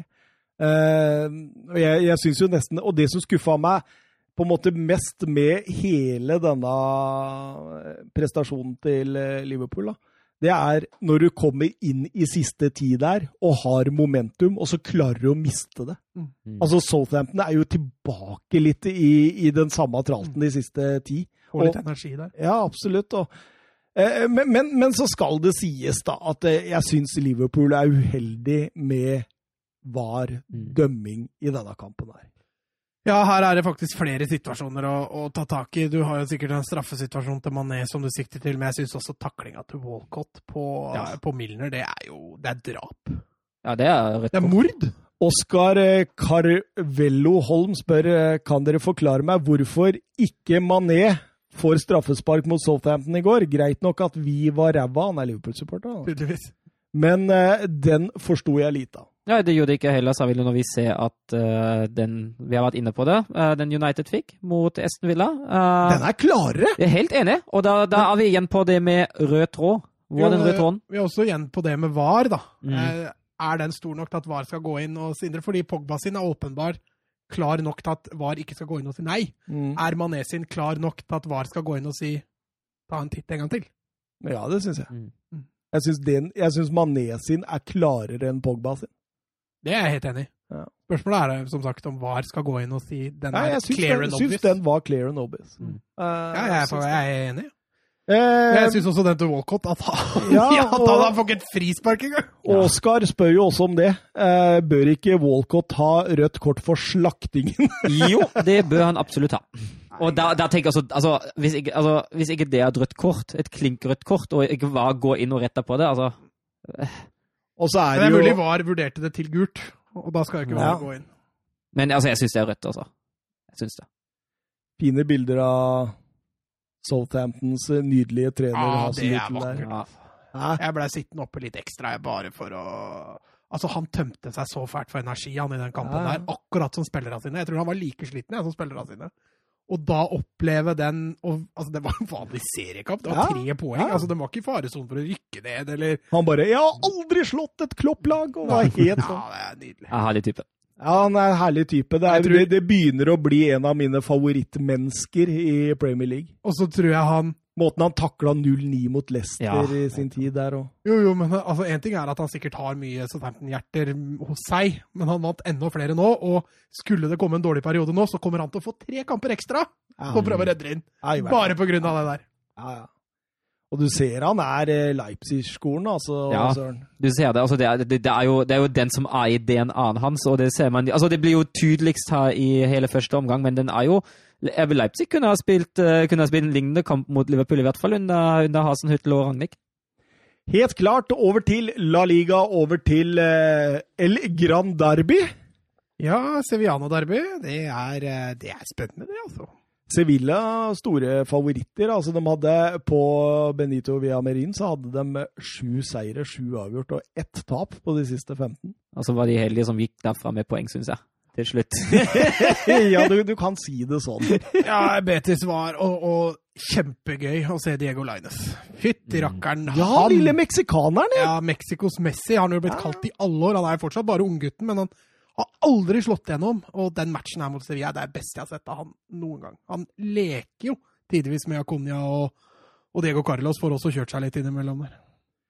Jeg syns eh, Sevilla Jeg blir litt skuffa når jeg ser hvordan de takla det høye presset. Mm. Jeg hadde forventa at Condé og Carlos og gjengen bak der og, og Ja, I hvert fall Condé, som Ja, er så flink til å gå av. Ja, men jeg syns Betis setter Sevilla virkelig på prøve med det høye presset der. Og, eh, og eh, Betis syns jeg tar grep eh, på kampen, rett og slett. Mye, mye dueller og ettersleng. Jeg tenkte, Tenk med fullsatt uh, Ja. Yamarin der. Men du ser jo hvor tidlig hvor Diego Carlos og Nabil Fikir havner i totta på hverandre. Det går Ja. jo bare et par minutter, så er jo de i totta på hverandre. og Hadde vi fått lov til å ha publikum på den kampen der, det tror jeg kunne blitt enda morsommere enn det det blei. Altså. Mm. Men likevel så går vi til pause med 0-0 i skudd på mål, og det har ikke skjedd i dette Derby siden eh, 03-04-sesongen. Ja, De hadde jo et par feite sjanser, da. Betis hadde jo i hvert fall Canales og Fikir. Hadde jo, ja, Fikir burde jo i hvert fall fått den på mål. Eh, Så litt udyktig i avslutningene, men eh, det var litt nerve i kampen, selv om det ikke var publikum der. Lopetegi er tydeligvis ikke fornøyd, gjør to bytter til pause og får umiddelbart betalt. Mm. Helt ut av det blå, og med god hjelp av Bettestad slår jo en eh, Det er en forsøk på, et, på en langpasning som da slås rett i trynet på mannen som står foran. Og da er det sterkt av Nisiri også, og Ja. Soso. Bra, bra, bra Nisiri der. Eh, og Suso, som er kalt som en eh, Det Fikir ikke var. Fikir hadde jo egentlig en forferdelig kamp. Selv om han er OK i banespillet, så når han skal avgjøres, så faller han helt igjennom. Så tar det bare to minutter, så får Betis straffespark, de. Mm. Eh, det er Diego Carlo som feier eh, Loren Moron der, Ja. og eh, Helt greit, det. det, var, det var helt greit. og det var Diego Carlos sjette straffe, al- al- altså sjuende straffespark de to siste sesongene. Han hadde seks i kalenderåret 2020, Første han gjør. og første han gjør i 2021. Han bare kjører på videre. Ja, ja. Nei, vi må litt uryddig, selv om han, han, er, han er god, men han er litt uryddig. Ja, han er, eh, men, men han er litt urutinert, og det tror jeg er litt av grunnen til at folk ikke har splatta 60 mil for han ennå, som er utkjøpsklausulen. Han, han trenger litt mer kjøtt på det beinet der, selv om han er stor og sterk. og Får han ballene i lufta, så er han jo bunnsolid, men så fort han må jobbe langs bakken, så kan han være litt uryddig. Og det har vi sett flere ganger. Canales, sikker. Ja. Sender eh, Sevilla i Det, det er jo eh, nå eh, Eller du kommer jo sikkert til, til andre straffesparket. Vi kan ta det nå. Ja, eh, får få få et straffespark til. Eh, Fake som, eh, som blir feilt av Konja. eh, og det blir jo etter VAR. Og så er det jo Feke som tar ballen, og så er det så morsomt fordi kommentatoren på, på engelsk han, han bare sier 'please tell me no'. Før Feke i det hele tatt får Ja, skyte. men, du skjønte hvor det der Ja, var? ja, det gjør det. Og jeg kan eh, tenke meg eh, Pellegrini var passe fornøyd med han etter kampen. Men Bono ble historisk da med første keeper som redder et straffespark i dette Derby på 2000-tallet. Ja. Så, eh, og da blir det 1-1, og dette bør jo Betis ta. Ja, jeg synes det. Dette, er, dette var en god start sånn spillmessig. Jeg tror nok Pellegrini var fornøyd med kampen, selv om resultatet jugde lite grann. Sevilla hadde vel litt mer ball enn Betis, men de Betis skapte jo vanvittig mye mer og var langt hvassere enn det Sevilla var offensivt. Det er litt sånn samme tralten for Sevilla som det har vært i hele år, egentlig. Vi går over til Real Madrid-Cádiz, og det var jo et Real Madrid i storform mot et eh, Nei, Cádiz, Celta Vigo. Mm. Celta Vigo. Celta Vigo i et eh, også et fantastisk form. Ja, Celta som har eh, fem strake nå, og én uavgjort på de seks siste, hvis ikke jeg husker helt feil. Eduardo Codé har fått kjempeorden på dette her. og det har blitt litt, Celta har blitt litt mitt nye Betis siste kampene. Jeg syns det er kjempeartig å se på dem. Eh, de har masse spennende spillere. De har underprestert i flere år, egentlig. De har et lag til å kjempe på øvre halvdel, men uh, har ofte havna i nedrykksstriden. Og, og, jeg må jo si det at selv om Celta ikke skaper all verden i den kampen her, så det er gøy å se på dem. Det er, eh, det er et litt fattigmannslid, som du vil. ja. Eh, ja, for det tar jo bare fem minutter før Lucas Vaskes eh, blir servert av Ascensio. Mm. Ja, det kunne jo gått den andre veien der. Det er jo overgang rett, rett, rett påfølgende en, eh, en, ganske stor sjanse som Aspas har der. Ja, Aspas blir spilt alene gjennom, tipper Courtois, og så blir Nacho Ballen går ikke fort nok, rett og slett. Litt sånn mm. som Litt sånn som i den Southampton-kampen med, mm. med, med, han Hva heter han igjen? Han med kanten Jan Jerai? Nei. Valeri. Valeri var det. Ja. Eh, men litt samme. Ballen bruker for lang tid, og Nacho får klarert på streken. Og så går Real Madrid bare rett opp og skårer. Jago Aspas, hørte dere kommentatoren sa at han var involvert i 86% av samtlige Celta-mål, ja. Men det er helt vanvittig. Altså, når, du ser, når du ser statistikken til Aspas er, Han tar jo alle dødballer og sånn, da. Ja. Uh, så han får jo mye der. Men uh, Aspas er utrolig viktig for det offensive for, eh, for Celta Vigo. Og du ser jo også når, eh, når, han må gå av, så setter han inn på Fran Beltran, som er strengt tatt en midtbanespiller. Ja, for den får et par slag i trynet her. Både Aspas og Nolito må ut. Mm. Og det, det, det, det er to Nolito var også spillere. bra. Ja. Eh, jeg syns han også har begynt å heve seg i, i Celta nå, under Kodé. Og Kodé virker som en utrolig spennende trener. Altså, kommer fra Leda jo serien i Internasjonal i, i Brasil. Mm. når han ble henta av Celta. Uh, og har jo allerede suksess i racing, som i Brasil, hvor han også vant serien. Så, så at dette er en utrolig spennende trener, det, det, tror jeg ikke det er noe tvil om. Tror, Lanserer hun høyere opp etter hvert? Jeg tror det er, det er Jeg ser Bielsa igjen, ja. men jeg ser også noe litt Det er litt sånn Samp, Sampaoli. Oh, ja. Han i Sevilla, og, som var landslagstrener for Chile. Uh, jeg tror Argentina igjen har funnet en uh, strålende El Loco-trener. Altså. Men Real Madrid jeg, vet du hva, når jeg så denne kampen, så tenkte jeg vet du hva, dette kunne vært Mourinho mot et topplag. Altså, Her eh, tar vi tidlig ledelsen, og så, og så slår vi ned tempoet. Og så kontrollerer vi og legger oss litt bak. og, og det, det, er jo veldig kontrollert, dette her, Søren. Ja, det er det. Og de har jo, som du sier, full kontroll på kampen. Tar ingen unødvendig risiko i det hele tatt. Uh, Nei, det er, det er nada risiko ja. i det spillet. Ja. Men Celta skaper heller svært lite, selv om det er underholdende å se den offensive presset deres. Eh, når de vinner ball, de går hurtig i angrep, så, så greier de ikke å trenge gjennom. Nei, og Ascencio han, jo, han får jo gjengjeld for assisten ja, sin. Ja, Vasques er gjengjelder, ja. ja. Og, og setter 2-0 der tidlig i annen omgang, og da du, du, tenker jo at dette, dette, er ikke mulig. Dette er ikke mulig å, å, å ta det. Jeg syns jo Real Madrid. Jeg er veldig imponert over hvordan de eh, på en måte tar tak i det og styrer det og kontrollerer det. Og, og du ser jo han eh, Casimiro. Han river jo den der midtbanen mm. til Celta Vigo i fillebiter, altså. Men de kan, altså, jeg tror Casemiro er nøkkelen ja, for å kunne være så ja. kontrollerende. Tar du Casemiro ut her, så kan ikke Real Madrid spille sånn som de gjorde i, i den kampen. Er det verdens beste defensive midtbanespiller for tida, Søren? Ja, det kommer ikke på så mange andre som nødvendigvis skal være bedre enn ham. Casemiro i form. Det er ja, ikke Rodrigo når han ikke til tæra engang. Tror Guardiola kunne tenkt seg han i City, tror jeg. Jeg tror det er flere han kunne tenkt seg. Jeg tror til og med Douglas Louise er det en spiller han ja, ja, ja, for all del. For all del. Eh, og det ja, det, det, jeg syns, syns, det ser veldig bra ut for Real Madrid. De, de er på en måte solide igjen. og, og det er vel bare Atletico Madrid i La Liga as we speak som jeg syns ser like solid ut, men jeg føler at det, marginen er eh, større på Real Madrid, da. Ja, jeg tror også altså, altså Potensialet for å gå høyere også er større på Real Madrid. Eh, men samtidig, da. eh, Forskjellen, altså spriket da, på toppnivå og bånnivå, det er jo Real Madrid størst på. For de kan prestere begge veier. Ja. Atletico Madrid presterer ikke i langt så stor grad begge veier. Eh, og pluss at nå leder jo Atletico med to poeng, da, og har to kamper til gode. Så de skal jobbe hardt, altså, Real, for å ta igjen dette. Men da er det vel kanskje bare for Zidane, eh, Søren, å starte Ferland Mendy, for eh, Real Madrid har ikke tapt på 29 kamper han har starta. Det er 22 seier og 7 avgjort, null tap. Uten Ferland Mendy så har de 14 seire, 5 uavgjort og 6 tap. Ja, da har vi Marcello som starta. Det, det var en statistikk for å underbygge det Thomas har prata om før. Men den er litt morsom. Nei, Nei, nei, det er Marcelo som har starta.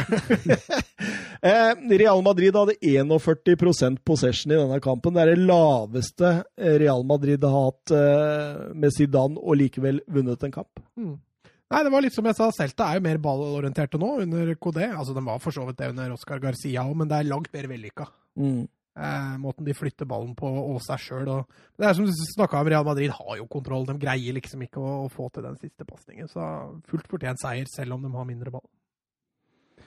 Vi går videre til Alaves mot eh, Atletico eh, Madrid, og det var veldig mye i forkant her som handla om Kieran Trippier, som eh, FA har utestengt til tross for at han er La Liga-spiller. Ja, og så ble han jo ikke bare utestengt fra kamper, han ble jo utestengt fra all klubbaktivitet, så han fikk ikke lov å trene med laget engang.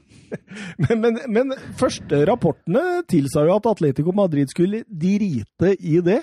Ja, altså, de skulle anke det òg. Ja, Nå har ikke jeg lest noe mer etter Nei, men- at jeg hørte at de skulle anke det. Nei, Men han har ikke vært i troppen eller noe. Nei, men. FIFA, FIFA har gitt ham en eh, midlertidig arbeidstillatelse. eh, og Grunnen at han ikke var i troppen nå, var på grunn av at han, hadde, at han ikke hadde trent og måtte jobbe, jobbe seg opp igjen. da. ja ok, Så han kommer til å spille framover? Ut ifra det jeg har lest av statusen det nå, uh, men det kan jo fort endre seg. Og, Jeg så jo også at det passa jo perfekt i forhold til FA når England spiller landskamper.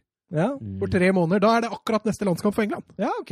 Så det passa jo ja, men hvis, hvis, hvis han ikke får lov å trene om tre, i tre måneder, da er jo det litt uh, Ja, nei, da blir det jo kanskje ikke tatt ut. Og så tror jeg ikke høyrebacker er det England sliter. Nei, men han har jo vært med for det, da. Ja, jo, for all del. Men eh, de, de har en god del å ta av der. Jo da, nå har jo Arnold vært svak, da. Jo da, men du har Aron Van Bissaka, du har Ja, Kyle Walker, du har Kyle Walker, du har uh, Tarek Lamptey, Reece. Uh, Reece James, ja. Altså, du, du har jo bøttevis. Jeg tror ikke dem sliter av den grunn. Men um, en som heller ikke sliter, da, det er Marcos Llorente. Ja, det har ikke skjedd så voldsomt mye i kampen før han setter uh, Nei, det skjer jo ikke. Altså, Alaves er jo mest ut på å ikke la Atletico Madrid slippe til, Uh, og det får de jo, de får de jo bra til, for all del. Uh, er vel det første, første ordentlige målsjansen Lorette får da, og ikke nødvendigvis en gang det en så stor en. Nei, han kombinerer først der vel med Suárez, og så drar han seg inn der, og så er han jo litt heldig. Skyter via en Alaves-spiller, og det setter jo Setter jo eh, Pacheco litt ut av spill, og så går han jo inn. Men eh, ikke for å ta fra Jorente noe av det der. Det er det første som skjer. Ingen i La Liga skårer flere mål utenfor boks enn Marcos Lorente. Mm. Det, Ja, men jeg har jo snakka om det før. Han har jo blitt en klassespiller. Ja, ja. Altså, altså, god i mange faser Ja. og kan brukes litt overalt. Det, Og, ja. ja, Jeg tror Simeon har blitt utrolig glad i ham. Ja, det skjønner jeg veldig godt. Det, det Kanonkjøp eh, Viste det seg å bli. viste det seg å bli, ja. Ja. Første sesongen så det ikke helt sånn ut. selv om Etter, vi- Liv- etter Liverpool-kampen, da blomstra det. vi var veldig positive til det kjøpet. Også, Ja, i starten, starten, ja. Og så eh, måtte det ta seg litt eh, tid. Og, og Atletico Madrid, Søren, de er jo så gode når de har tatt ledelsen Ja. 1-0. Og... Og da Altså, særlig- altså, altså får jo Alaves den utvisninga, òg. altså Atletico har full kontroll. Uh, og så er det jo 20 minutter etter pausen blir det jo utvisning. Og da Det er voldsomt lang tid de brukte på det. Ja, på VAR, ja. Ja. ja eh, og den, Men blir ble tatt fordi han hindrer en skåringsmulighet? det er litt eller er blanding der. Ja. Ja. Fordi det er jo ikke en pen Han går jo med knotten opp der, og så er han igjennom, men eh, ja. Kan det være en blanding, Søren? Det kan fort Det skal jo ikke bli men, verre, det. Nei. Dommerne skal jo ikke la seg Nei. påvirke av det. Men jeg også syns Nei, Oi, ja. Var det rødt, liksom? Ja, det var det, så så jeg ham fra sida der, og så Å, han hadde jo åpen vei mot mål. eh, Så å si, i hvert fall. Eh, men det er vel greit i og for seg, var det ikke det? Ja, helt ok. det. Eh, Det er jo det. Men altså, altså, har jo, altså skaper jo Atletico mye mer nå mot timene. Og så er det jo ekstremt utypisk Atletico Madrid å løpe i en kontring mot ti fem minutter før slutt. Og altså, fin avslutning fra Filipe rett i eget kryss, for all del, men uh, Oblak er sjanseløs. Han gjør litt mye rart, han Filipe òg. Ja, men det, altså, den er vanskelig. Du løper med nesa mot eget mål, men, men det, altså, der, altså, han har så god oversikt. Mm. Det er det som jeg syns er så rart. Ja, En ting er hvis det hadde vært en Alavé-spiller som pressa han hardt, eller Men det er liksom, han har tid der til å gjøre noe helt annet enn å sette den i eget kryss. uh, og, og så er jeg helt enig med deg i det du sier, Søren, at jeg, jeg ble nesten sjokkert når det skjedde. Mm. Jeg trodde denne her skulle gå til 0-1, eller så skulle man få 0-2 på slutten. Og så klarer de faktisk å spille på seg et brudd. Altså, jeg tror jo Altså, hvis de hadde tapt to poeng på det eh, Den godeste Diego Simione i garderoben etter den kampen, det hadde ikke vært uinteressant å se hvordan det forløp seg. Nei, det der er eh, utypisk, som dere har vært inne på nå, eh, Atletico. Og det, det skjer veldig sjeldent. Og, og etter at det nå har skjedd, så kommer det til å gå veldig lang tid til det skjer igjen. For det står i ABC-boka til Ja. Det står i A. Det står på A. Det står på A, ja. Ikke spill på deg brudd når du leder 1-0 fem minutter for slutt. Ja, og er vi, én en mann mer, så dreper vi deg hvis det skjer. Men så har de jo henta en stjernespiller fra Barcelona før sesongen, da, for at eh, de skulle gjøre litt plass til Braithwaite eh, på kamp nå. altså, for, for, til for å forsvare Braith, jeg tror jeg til og med han hadde skåra deg. Nei, han hadde ikke vært kanskje. der, han. Ja, greit, da. Han hadde ikke vært Nei, der, er men han hadde skåra hvis han hadde Ja. vært der. Ja, kanskje. kanskje. Uh, men, men det, Litt, litt kudos til Felix der òg. ja, det, det angrepet i forkant er jo nydelig. Det er jo, det er jo herlig. Det er jo uh, perfekt spill. Litt nye Atletico. Mm. Luis Suárez er involvert i elleve mål på sine tolv første La Liga-kamper for Atletico Madrid. Må tilbake til Falcao i 2011 for å finne tilsvarende tall fra en eh, nyankommet uh, spiller. Eh, Tenk om Suárez går til Atletico og vinner La Liga. Ja, tenk det. Han var for dårlig til å vinne Ja. La Liga for Barcelona, så da gjør vi det for Atletico Madrid. det hadde vært en sånn Altså, du, altså jeg har aldri helt oppfatta ditt personlige på en måte syn på Suárez, for det, det har vært veldig sånn ambivalent, har jeg Ja, følt det, det har jo vært et sånn gi og ta-forhold. Ja. Eh, fordi eh, på sitt beste, og, og i hvert fall i den MSN-tida, så var han jo stor. Men de siste to åra så har jeg slitt med Suárez. Han har skåret mye viktige mål, og det, det har vært viktig, men, men gud bedre hvor mye han har surra. Altså. Og treig har han blitt. Og. Ja. Eh, så når han skulle dra, så var ikke jeg negativ til det. Nei, men du, Men du trodde Lautaro had- Martinez kom inn, du. Ja, jeg håpa jo de skulle få inn noe annet, da. Ja. Altså Når du sitter her nå med Braithwaite, så ser det jo bare vanvittig dumt ut. det gjør faktisk det. Det gjør faktisk det.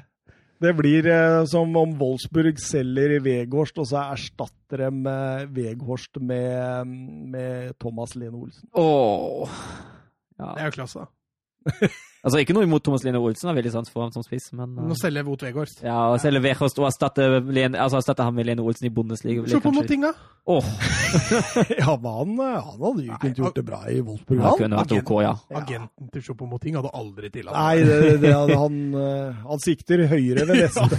Det er Real Madrid uh, nå. Ja, det er Real Da vent, venter Benzema legger opp, da. Tjo med ting der. Måtte bare ta mellomstasjon i Stoke han før han virkelig Eh, Vi går videre til Huesca mot eh, Barcelona og Lionel Messi sin 500. lagligakamp for Barcelona. Og det er første ikke-spanjol som når dette antallet i La Ligas historie. Det er stort, Mats Granvold. 500 kamper! Mm. Ja, han har jo vært der nå. Det er vel hans eh, Er det 15. sesong, eller er det 16. sesong i A-laget nå? Så han har jo vært der eh, lenge. Eh, når det gjelder kampen, så ja, det var eh, Skal jeg si ja, eh, OK. Jeg syns, jeg syns første omgang er veldig grei. Ja, ja, det er Eh, altså, andreomgangen som, gjør- Ja. som gjør at det bare men blir altså, hvis, hvis du sammenligner den her mot den eh, Jeg tror det var mot Eibar, da de slet ekstremt mot det dyptliggende der. Ja, det var forrige serierunde. Ja, Da det eh, ble 1-1. ja uh, så syns jeg det er en del ting som, som Barcelona gjør bedre her nå. Mm. Uh, og det er, det er særlig altså Venstresiden er veldig lekende. Det skapes overtall der hele tida. Og så er det, er det veldig mye med de løpene. Nå tar de faktisk dype løp og inn i boksen og skaper alternativer der, så innleggene går ikke bare på måfå. Men du ser offensivt så ser det nesten ut som Barca spiller en reinere 4-3-3. For de spiller med to indre pluss. Det er Frenkie de Jong stadig vekk inne i midten. Mm. Pedri Ja, er det jo der. Pedri er jo der hele tida. Eh, mens defensivt så spiller de en slags 4-4-1-1, Mm. eh, hvor da de Jong går dypt og Pedri spiller off midt. Eh, og problemet, da, som du sier, jeg også slo meg merke i det at uh, venstresida til Barca blir brukt veldig mye. Jordi Alba offensiv, men du har også Dembélé som ligger bredt hele tiden. Mm. Høyresida, der er det Dest. Messi ligger jo ikke bredt. Nei. Han trekker inn. Det betyr at Dest blir ofte isolert på høyresiden. Han bruker den nesten bare som en vendingsspiller. Kanskje han utfordrer innimellom, men han blir ofte satt opp to mot én i undertall. Og da, da, da blir det, det blir jo lett i lengden da, å forsvare seg mot det, for du legger jo bare én spiller ekstra på høyresida.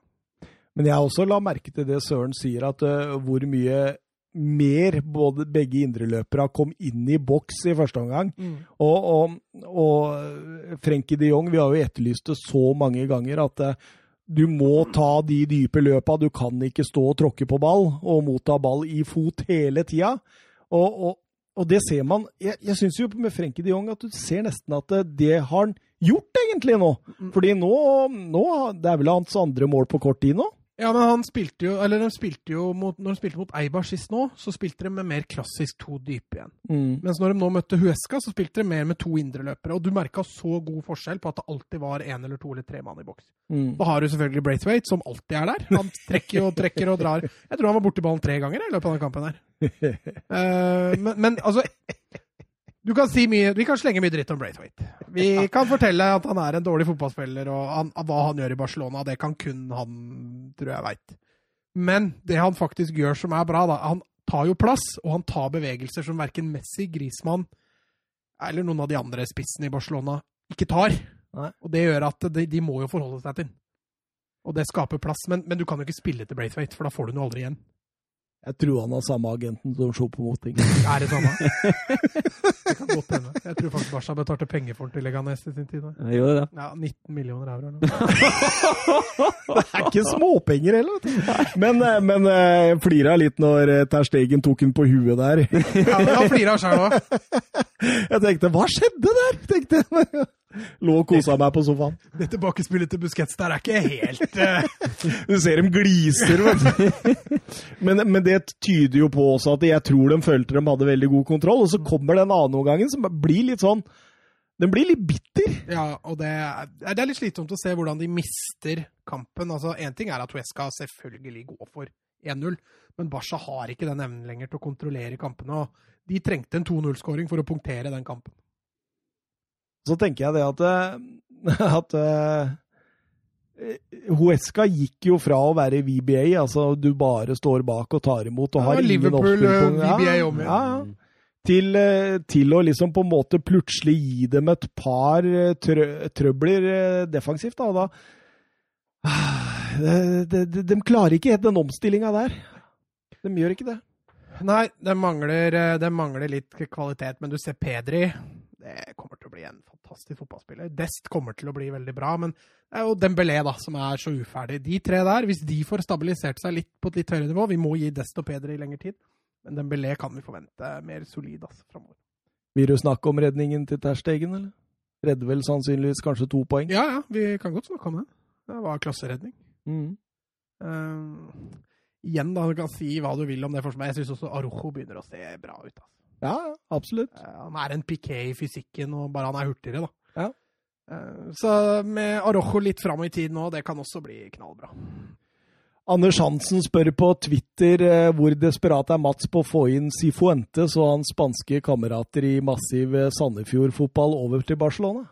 Hvor, hvor desperat jeg er etter det. Ja, jeg, er jo, litt desperat etter å bli kvitt Koban, da. Så, så, Ja, nå har vi Sifuentes signert for Aalborg. ja, jeg vet. Han er jo i Danmark, han.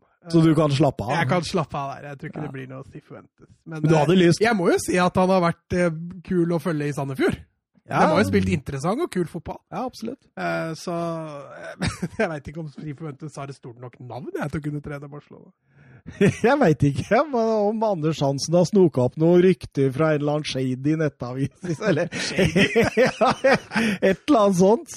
Shady, nettavis. Ja, det må fordi Altså, i denne rykteverdenen her, skulle ikke forundre meg om det kom et rykte. Rykte Rykter finnes om alt. Man bare leter godt nok. Eh, men det Ja. Det blei jo 1-0, Mats, og Ja, de rodde i land der, og det blei ble 1-0. Og vi klatra jo én plass på, på tabellen, sånn sett. Eh, Har jo et par kamper til gode på, på Sociedad, men Sevilla har, et, har, en kamp til gode igjen på Barcelona. Så kan hende det er status quo når alt er telt opp for det. Noen ord om uh, vårt kjære Valencia òg, som spilte i går mot uh, Ja, det er jo bare vårt kjære. Vi kan ikke si så mye annet egentlig om dem. Det, det, er nesten sånn at de ikke forsvarer at vi prater om dem i det hele tatt nå. Altså, fordi nå, altså de lå faktisk på direkte nedrykk i løpet av denne kampen. ja, de... etter det brassesparket til Lozano, det var jo verdt eh, litt ja. inngangspenga, da. Ja, men klasse... det kom ikke fra noen Valencia-spiller. Nei, nei, nei. Men eh, de tillater mye klasse mot seg, da. Det er det som er fint med det. Alltid går bra. Og... Men jeg, jeg syns jo Carlos Soler er deilig. Ja. Du, ser, du ser at ut, altså den første omgangen den var veldig sånn delt. Altså, Jeg syns Kadis var best den første delen av første omgangen. Og så syns jeg Valencia tok over. og, og det, det, det, det, var litt sånn Grealish i Aston Villa. At når Carlos Soler begynner å, å steppe opp gamet sitt, så blir Valencia veldig mye bedre. Mm. Får også et lite slag i sjøen der med Gamairo som må ut der, men nei, ellers Nei, det er så tynt, altså. Dette er Valencia.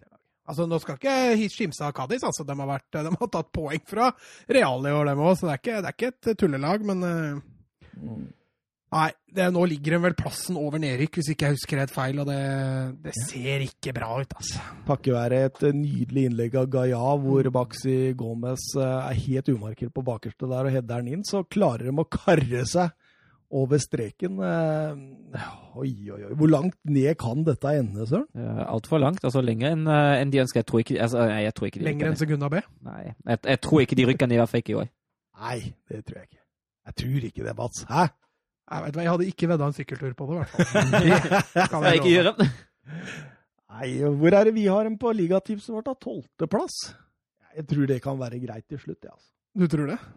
Ja, men altså Laget er for bra til å rykke ned. Ja, det er det mange som har sagt før deg. Ja. Lillestrøm var egentlig Har, ikke du lyst til å si det til Schalke-supporterne nå? Ja. Laget der er også for bra til å rykke ned. tror du de uh, unngår det for deg? Jeg tror det er mye mer en spillestall i disse to klubbene kanskje som er problemet, ja. og da, da blir det vel litt sånn. Eh, må tilbake til 82-83-sesongen for å finne en trangere åpning på sesongen enn det Valencia har hatt. 82-83, altså. Ja, det sier vel også det meste. Jeg syns jo ikke Altså, har vi Gracia skal ikke ha eh, øksa han for å ha gjort en dårlig jobb. Altså. Nei, det, det, her ligger, som du har sagt, mye dypere enn dette. Altså. Nei, han har en jobb å gjøre, Gracia, hvis dette skal gå veien. Jeg jeg, jeg er 50-50 ja, som dette blir eh, hold eller ikke. For det Tenk det, ja. Hvis de rykker ned, da kan de være ferdig. Det kan de. Ja. Peter Lim han må fort søke dekning et annet sted. ja, for de supporterne der, de er nådeløse. Ja, det kan bli stygt. Altså. Jeg tror Valencia skal være sjeleglad for at det ikke er et tilskuere på tribunen. Eller i hvert fall Peter Lim. Ja. Og dattera hans. Vi går over til Tyskland. Vi går over til Armina Bielefeld mot eh, Borussia München-Glabach. Og jeg slo på TV-en og fikk Formel 1. Blei, da var det ikke den eneste. Blei så forbanna at jeg tenkte at dette gidder jeg ikke engang! Nei, det var... Altså, hva, hva er det greiene Altså, Hvis jeg hadde vært Borussia München-Glabach-fan og skulle sette meg ned og kose meg med, eh, med kampen Altså, flere timer etterpå Han har lagt ut kampen på Viaplay! Og så, og så var det på Viaplay òg? Ja. ja, han var lagt ut på Viaplay også, som Formel 1. Formel 1, ja. altså ikke hele kampen. Nei, men etter fram til 40 minutter eller noe sånt. Og jeg tenkte akkurat den samme som deg. Jeg tenkte Hvis dette hadde skjedd med Wolfsburg, hadde jeg vært rasende. Jeg hadde blitt så sur. Jeg, jeg, gadd ikke å se. Jeg skjønte det at uh, Borussia München-Gladbach uh, hadde bomma, spesielt Brelem Bolo, hadde, hadde bomma på en haug av sjanser, og at han endelig fikk målet sitt ut i Han, han brukte sju skudd. Ja. På uh, syvende satt. Uh, nei, men altså, Mönchenglattberg har full kontroll uh, egentlig i hele første omgang. Uh, spiller, rundspiller Bielefeld i første 15 før det roer seg litt mer ned. Har av det klart beste laget. Bielefeld prøver å gjøre det litt jevnere i andre, men Mönchenglattberg holder kontrollen hele kampen ut, og etter 1-0 av det ja, Da Bielefeld-laget ser ferdig ut. Altså. Ja, gjør det det, altså. Vi, vi, eh, på grunn av dette og slakt i Viaplay, så går vi videre til Stuttgart, til RB Leipzig. Og det var en eh, kamp mellom to kjenninger, Søren. Ja, det var det. Uh, Materazzo møtte sin gamle læremester, uh, Julian Nagelsmann. Har jobbet jo som assistent under, under Nagelsmann. Et sånn Guardiola-Arteta-forhold uh, nesten der, altså. Ja, deilig, og det, du så det nesten på dem òg, at de De visste veldig godt hva som kom. Ja, og det var jo, altså, de klarte jo, altså, for Stuttgart var jo veldig gode til å, til å ødelegge for Leipzig i første omgang. Uh, delvis var så Leipzig og særlig Upamecano gode til å ødelegge for seg selv uh, i frispillinga der. Det var ikke helt uh, stuerent, og så satt jo, jeg synes ikke det høye presset til eh, Leipzig satt noe særlig godt. Uh, når det er sagt, eh, er det jo fortsatt Leipzig som skaper de største sjansene, og særlig det straffesparket der. Jeg er veldig imponert over presspillet til Stuttgart, Mm. fordi de er så ekstremt gode til å vite når skal vi stå høyt, Ja. når skal vi falle bak, akkurat den rette intensiteten hele tida. Altså, åpenbart har Materazzo gjort en strålende jobb på Ja. dette feltet, altså. Og det, det er jeg helt enig i, og det er jo det, det, er det som overrasker meg mest. For liksom, han hadde skikkelig problemer i andre Bundesliga. Uh, han fikk jo, uh, fikk jo jobben halvveis i sesongen uh, fordi Stuttgart var i fare for å ikke rykke opp. Og så ble det veldig veldig, veldig rufsete vei opp. Uh, grunnen til at de rykka opp, var jo at de andre lagene rundt var like svake. Uh, HSV og Heidenheim de klarte jo ikke å sette sånn særlig press på Stuttgart, men det var ikke nødvendigvis av egen styrke. Uh, og så trodde jeg ikke at det skulle gå i Bundesliga. Men det viser seg jo at det han Materazzo er mye flinkere på, er jo nå laget hans ikke er favoritt hele tida. Og da funker det mye bedre. Med Har den farta han har tilgjengelig òg, da. Ja. Det er litt lettere å være litt underdogs Ja. når du har så mye ja, fart. Da. Ja, absolutt. absolutt. Det er deilig å se på det overgangsspillet der, og hvordan de bare kjører 100 Ja. Men uh, det skal sies at Kobel var ute og redda en straffe der, og det er Ja, en det av er- de kuleste strafferedningene jeg har sett på langt, lang tid. det er fryktelig sterkt å få opp det beinet da i siste sekund. Det skuddet er hardt. Ja, det er ikke det er faktisk det kuleste Ja, det er det. Altså, det er lenge siden jeg har sett noe så kult. Ja, det var helt rått. Jeg, bare, jeg måtte til og med vise samboeren mine, som er sånn middels fornøyd. Så, eller middels fornøyd. Hun var, hun var ikke imponert! Nei, men hun bare middels interessert, Å, ja. skulle jeg fram til. Hun var middels fornøyd. Ja, med, med livet generelt, Ja. Mats. Hun trengte å se en kul strafferedning for å få opp Få opp boosten ut 2021, så måtte jeg vise av Kobels strafferedning, søren. Fikk opp gløden? Ja, jeg tror Nei, det, det, jeg sa litt feil der. Beklager det. Nei, nei, her gjør vi narr av alle som sier feil, så det er ikke noe. Eh, Men eh, det går 0-0 til pause, og eh, jeg syns jo RB Leipzig stepper opp game i annen omgang. Ja, uh, Eivind Biskår Sunde mente at uh, Nagelsmann skrudde opp volumknappen i pausen. Eh, det kan godt tenkes at han gjorde det, men det som kanskje er litt viktigere, at han tar jo konkrete taktiske grep her for å få dette her til å gå lenger rundt. Går det greit, Mats? Hva er det som skjer, Mats? Jeg måtte vise det til samboeren min, da, og hun var jo sånn middels fornøyd. Kl- Klassekommentar! Generelt sett middels fornøyd med hele livet. Søren prøver her med dyp analyse, og så sitter sorry, du ligger på andre siden.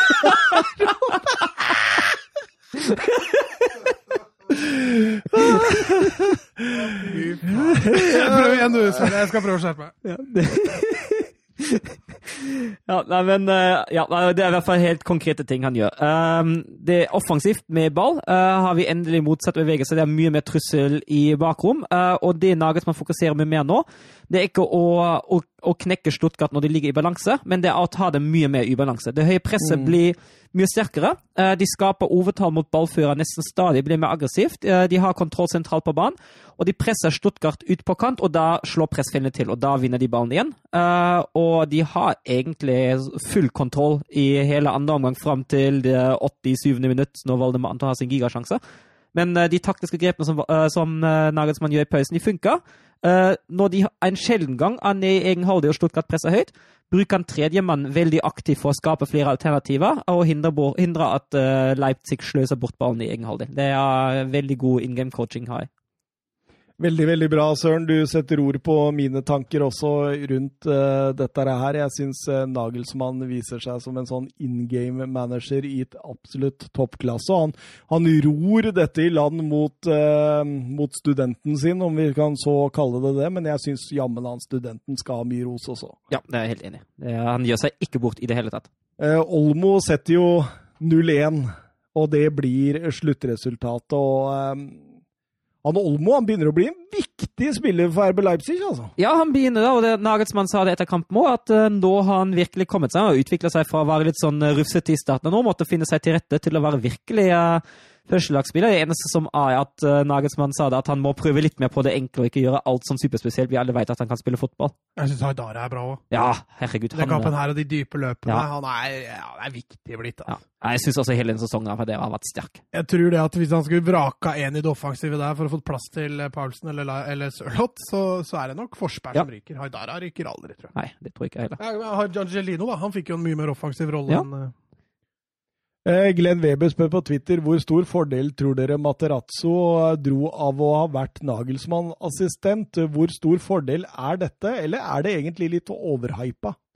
Jeg vet ikke, altså det er jo, jeg mener jo absolutt at man kan lære veldig mye av en uh, god fotballtrener, uh, men til syvende og sist må man jo gå sin egen vei og anvende det òg. Det finnes jo folk som er fantastiske trenerassistenter uh, og har vært det hele livet, og så snart de prøver å gå sin egen vei, da skjærer det seg. Eh, men altså, jeg tror jo Materazzo har fått veldig mye nyttig uh, erfaringer fra Nagelsmann. Det ser man jo, som du har vært inne på, Thomas, i den kampen her, jo, at eh, det hjelper absolutt. Og denne Leipzig-DNA-en, denne RB-DNA-en, den anvender han godt i Stuttgart. Særlig presspillet, Mats. Det er veldig Julian Nagelsmann. Ja, og jeg også Jeg tror også han drar nytte av å kjenne Nagelsmann så godt som han gjør, samtidig som Leipzig har jo sin måte å spille på. Mm. Eh, Så jeg tror nok han hadde en liten edge kontra de andre han møter. Dortmund mot eh, Wolfsburg og eh, jeg må si, jeg vet hva, Søren, jeg er imponert jeg, over Wolfsburg i denne kampen her. At eh, de ikke tar poeng her, det syns jeg er nesten er litt sånn urettferdig. Jeg syns de kunne leda 3-0 etter ti minutters spill. Ja, jeg. burde, burde jo kanskje òg. Sjanseutnyttinga sjans den er dessverre svak. Men jeg er helt, altså, særlig de første 15 minutter, det er, det er høy, høy klasse. Dortmund, de Dortmund blir jo tatt skikkelig på senga av det høye presset. Vi kommer seg jo nesten ikke ut av egen halvdel. Wolfsburg vinner jo, vinner jo alt. Og som, eh, som du har nevnt før potten, eh, før, før sendinga, at Slaga han har jo en fantastisk inngang i kampen. der. Ja, det er helt enormt. Han tar jo fullstendig tak i det, og Aksel Witzel han ser ut som en juniorspiller i forhold der. Men bør Wolfsburg ha straffespark etter 20 minutter når Witzel henser? Ja, Det er jo det store spørsmålet. Det tok jo lang tid før hva kom til en konklusjon der. Eh, jeg kan, sånn helt nøytralt sett, eh, kan jeg si meg litt enig med Lars Tjernås i pausen. eh, at det er, for fotballens del er det litt fint at det ikke blir straffa. Ja, og den røde tråden begynner nå å komme i Premier League Ja. Enig. Eh, og da er det greit. Ja. Men hadde de fortsatt det de dreiv med i starten, så burde jo det også vært straffe. Når de dømte straffespark mot Dyer, blant annet mot Newcastle. Ja, sånne ting. Eh, men, men så lenge de da, nå har valgt å legge seg på den linja, for jeg syns det er flere som gjør det, og det er kjempebra. Men Dortmund kommer litt og litt og litt mer inn i det utover i, Ja. i ja, første omgangen der. Og så det de siste ti minuttene for Wolfsburg, de er svake. Det virker som at de med, med hodene allerede er i, eh, i garderoben og ikke helt veit. Og da kunne Dortmund fint ha tatt ledelsen.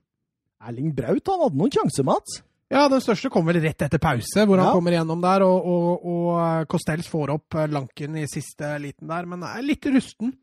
Så ser du også Dortmund, er ikke, de er ikke 100% sånn Kampen står og vipper Ja, der når Kanye setter eh, 1-0, altså. Ja, det gjør det. Det litt synd. eh, Nå har jeg, gjort, jeg har sagt mye om Brooks, men jeg syns den kampen fram til 1-0 det er noe av det beste jeg har sett av Brooks eh, i hele Wolfsburg. Den, den er enorm. Han har jo full kontroll bak.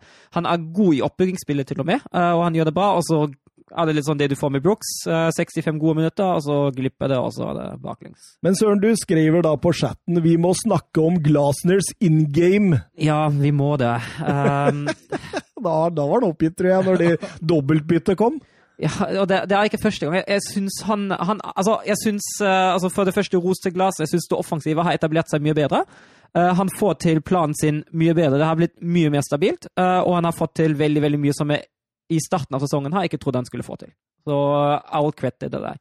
Det vi må jobbe med, er in game coaching. Ikke første kamp, men det er litt dårlige valg.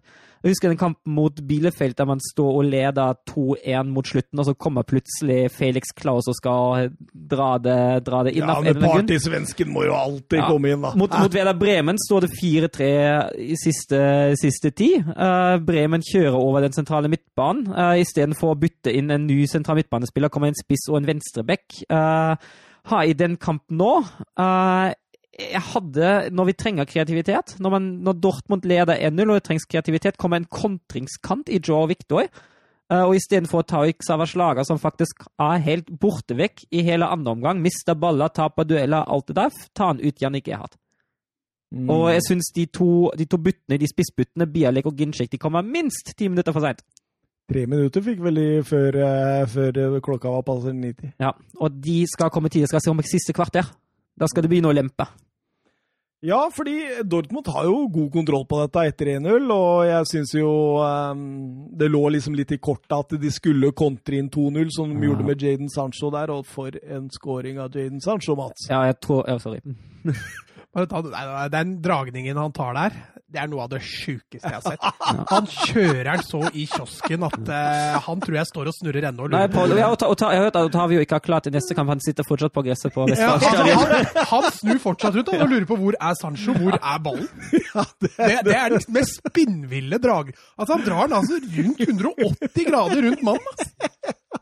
Det er noe av det mest spinnville jeg har sett. Og, og, og, det hadde du liksom Hvis det hadde vært Lionel Messi in prime, så hadde du vært imponert over Messi da. Mm. Altså, Messi kunne gjøre sånn, mm. men du hadde vært imponert. Det er noe som liksom Det var noe ekstraordinært fra Messi, til og med, dette her. Så ekstremt er det der, der faktisk. For Det ser ut som han venter inn spilleren, for så bare ydmyken totalt. Ja, det er, det er helt enormt. Og da, da, da taper Wolfsburg 2-0, altså, Søren, selv om selv om jeg syns dere skal være fornøyd med en sånn kamp. Ja, det, det er liksom det siste steget som mangler nå. Uh, det siste steget som hindrer meg fra å sykle om sommeren. Uh, det er å dra i land i deg. Det er liksom, Man blir straffa for de tingene man gjør feil, og så klarer man ikke å score på de sjansene man sjøl får. Uh, og da blir det sånn.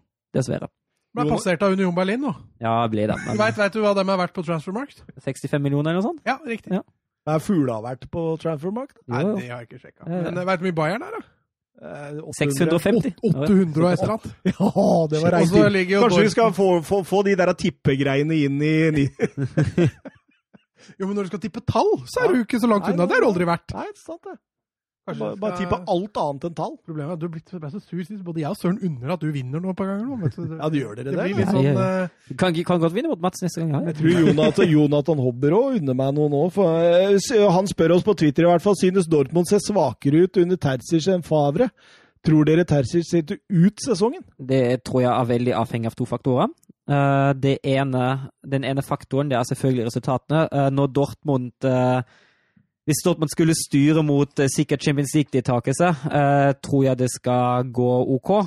Dortmund har igjen en sånn situasjon der man innser at det ikke er sesongen til å utfordre Bayern helt etter en litt rufsete periode nå. Eh, det andre som avgjør dette, er hva Dortmund tenker videre med neste mann. Hvis man finner en trener snart som man blir enig med fra og med neste sommer, da blir det veldig veldig vanskelig å skvise inn en erstatter da hvis det skulle vise seg nødvendig. Sånn. Dortmund-trenere òg, det må ha en spesiell på en måte spillestil. Det er en av de klubbene i Europa med klarest identitet. Ja, ja. ja altså, må, altså Sock sa det jo sjøl, du må være emosjonell. Du kan ikke være, være ja, Men de sånn, har jo den identiteten med, med direkthet, med, mm. med gegenpressing med... Og Favre var jo verken eh, direkte gegenpressing eller særlig emosjonell. Nei, nettopp. Så der traff de spikeren på hodet. Kanskje de skulle dratt til Southampton og hørt om eh, Ralf hadde lyst til å ta over? Det høres jo veldig match made in heaven. Ja. Så Ståle Solbakken, da. Der er det mye følelser. Hva syns vi om eh, Erling Braut Haaland første kamp etter skade? Kommer jo til sjanser, da. Han kommer til sjanser. Han er litt rusten, du ser det. Mm. Eh, gi han to kamper til, og så er det den, ene, den, ene, den ene han hadde en redninga til Konkas er enorm. Den er enorm. Det er jeg helt enig i, og vi snakka jo om det før eh, sending, at Castells er vel kanskje én av fotball-Europas mest undervurderte keepere? Ja, og det er altså, litt, veldig synd for ham. Han har jo bare én landskamp for Belgia òg. Uh, måler seg riktignok med Courtois, han er jo uh, veldig, veldig god, han òg.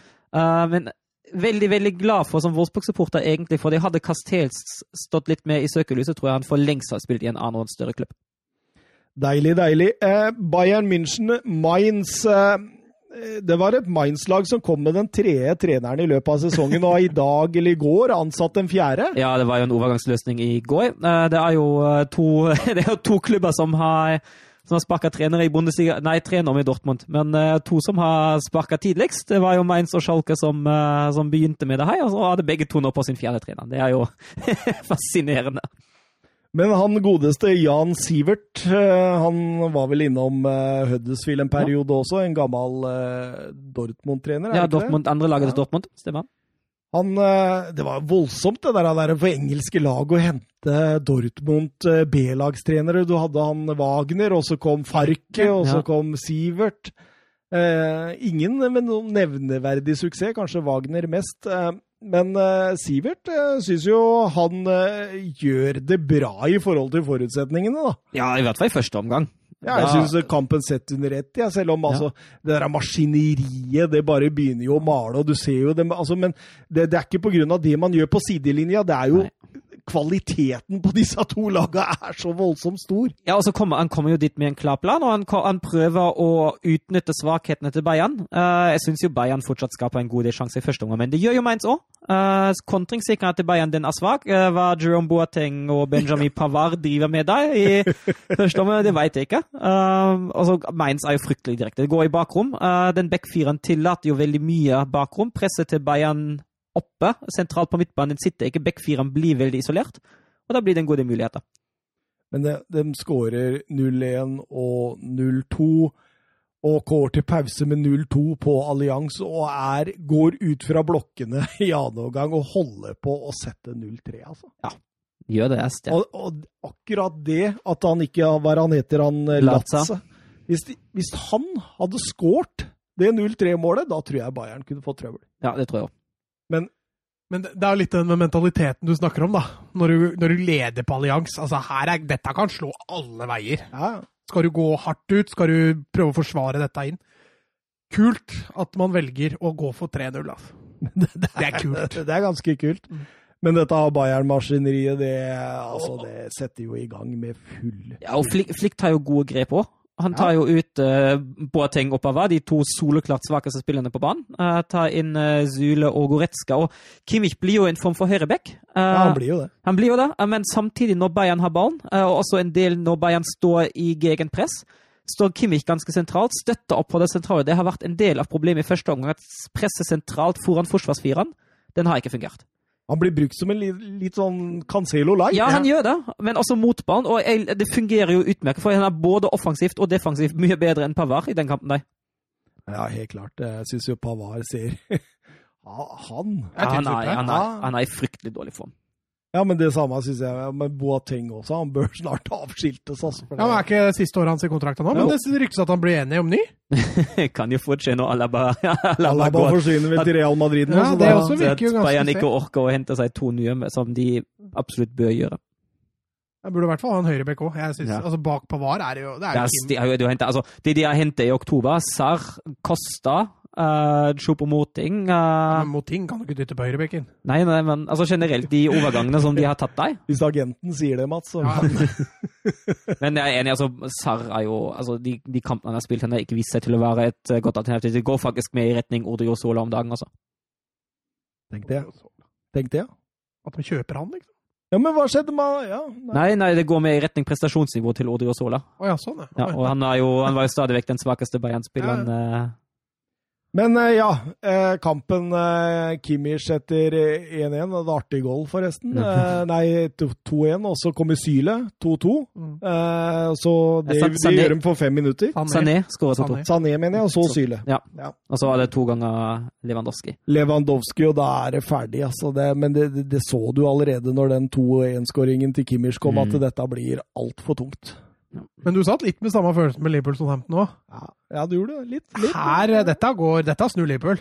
Jørn Henland, hva er greia med Bayern München? spør han på Twitter. Fra de dypeste daler til de høyeste topper. På én Ja. og samme kamp. Ja, og det er, det er åtten, åttende gang på rad at de nå ligger unna i en, i, i en kamp i Bundesliga. Det er en ny rekord. Åttende gang på rad. Så De har spilt åtte kamper nå på rad hvor de har ligget under i alle. Ja, Og så har de ikke tapt en eneste. De har vunnet fem og spilt tre ganger uavgjort.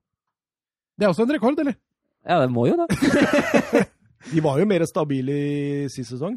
Ja, det var det. Eh, men, men, da hadde de ikke skade på Kimmich og Goretzka. Mm. Og jeg tror det er den tingen som kan gjøre at de blir stabilisert igjen da, på, på det nivået de var sist sesong. At, at det, det, det, du, du har den balansespilleren og den motoren da, sentralt i banen som er så viktig. Det er det, det, er det ene. Og, det andre er at eh, Flick han forandrer ikke sånn veldig mye på inngangene sine. Uh, men nå vet jo alle lag i Bundesliga hvordan Flick spiller fotball. Uh, og du ser at flere lag finner motstrategier. Om det nå er Wolfsburg som prøver å presse høyt fra start, om det nå er Mainz og Hoffenheim som slår kjapt i bakrom og prøver å ta dem på det.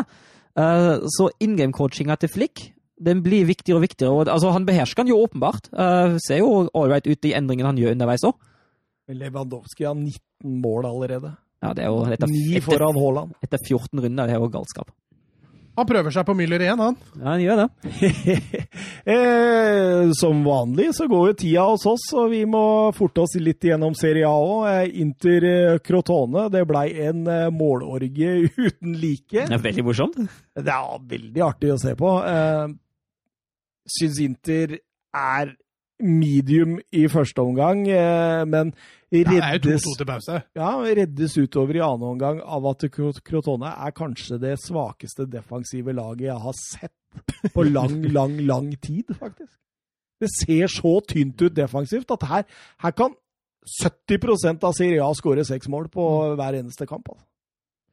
Ja, men de har jo også to eh, Altså, Martinez var jo på i den matchen her. Eh, Lukaku forskåring. Eh, Hakimi var ikke han lansert som det dårligste kjøpet? Jo, det, altså, altså det, Inter sa vel det at han passa ikke helt til sitt system og hadde ikke helt kommet inn i det. For, men det er noen uker siden nå. Da, han hadde jo den der tomålskampen sin og har jo begynt virkelig å vise hva han er verd, syns jeg. Definitivt. Jeg syns han fremstår som den klart beste høyre wingback-alternativet. i hvert fall.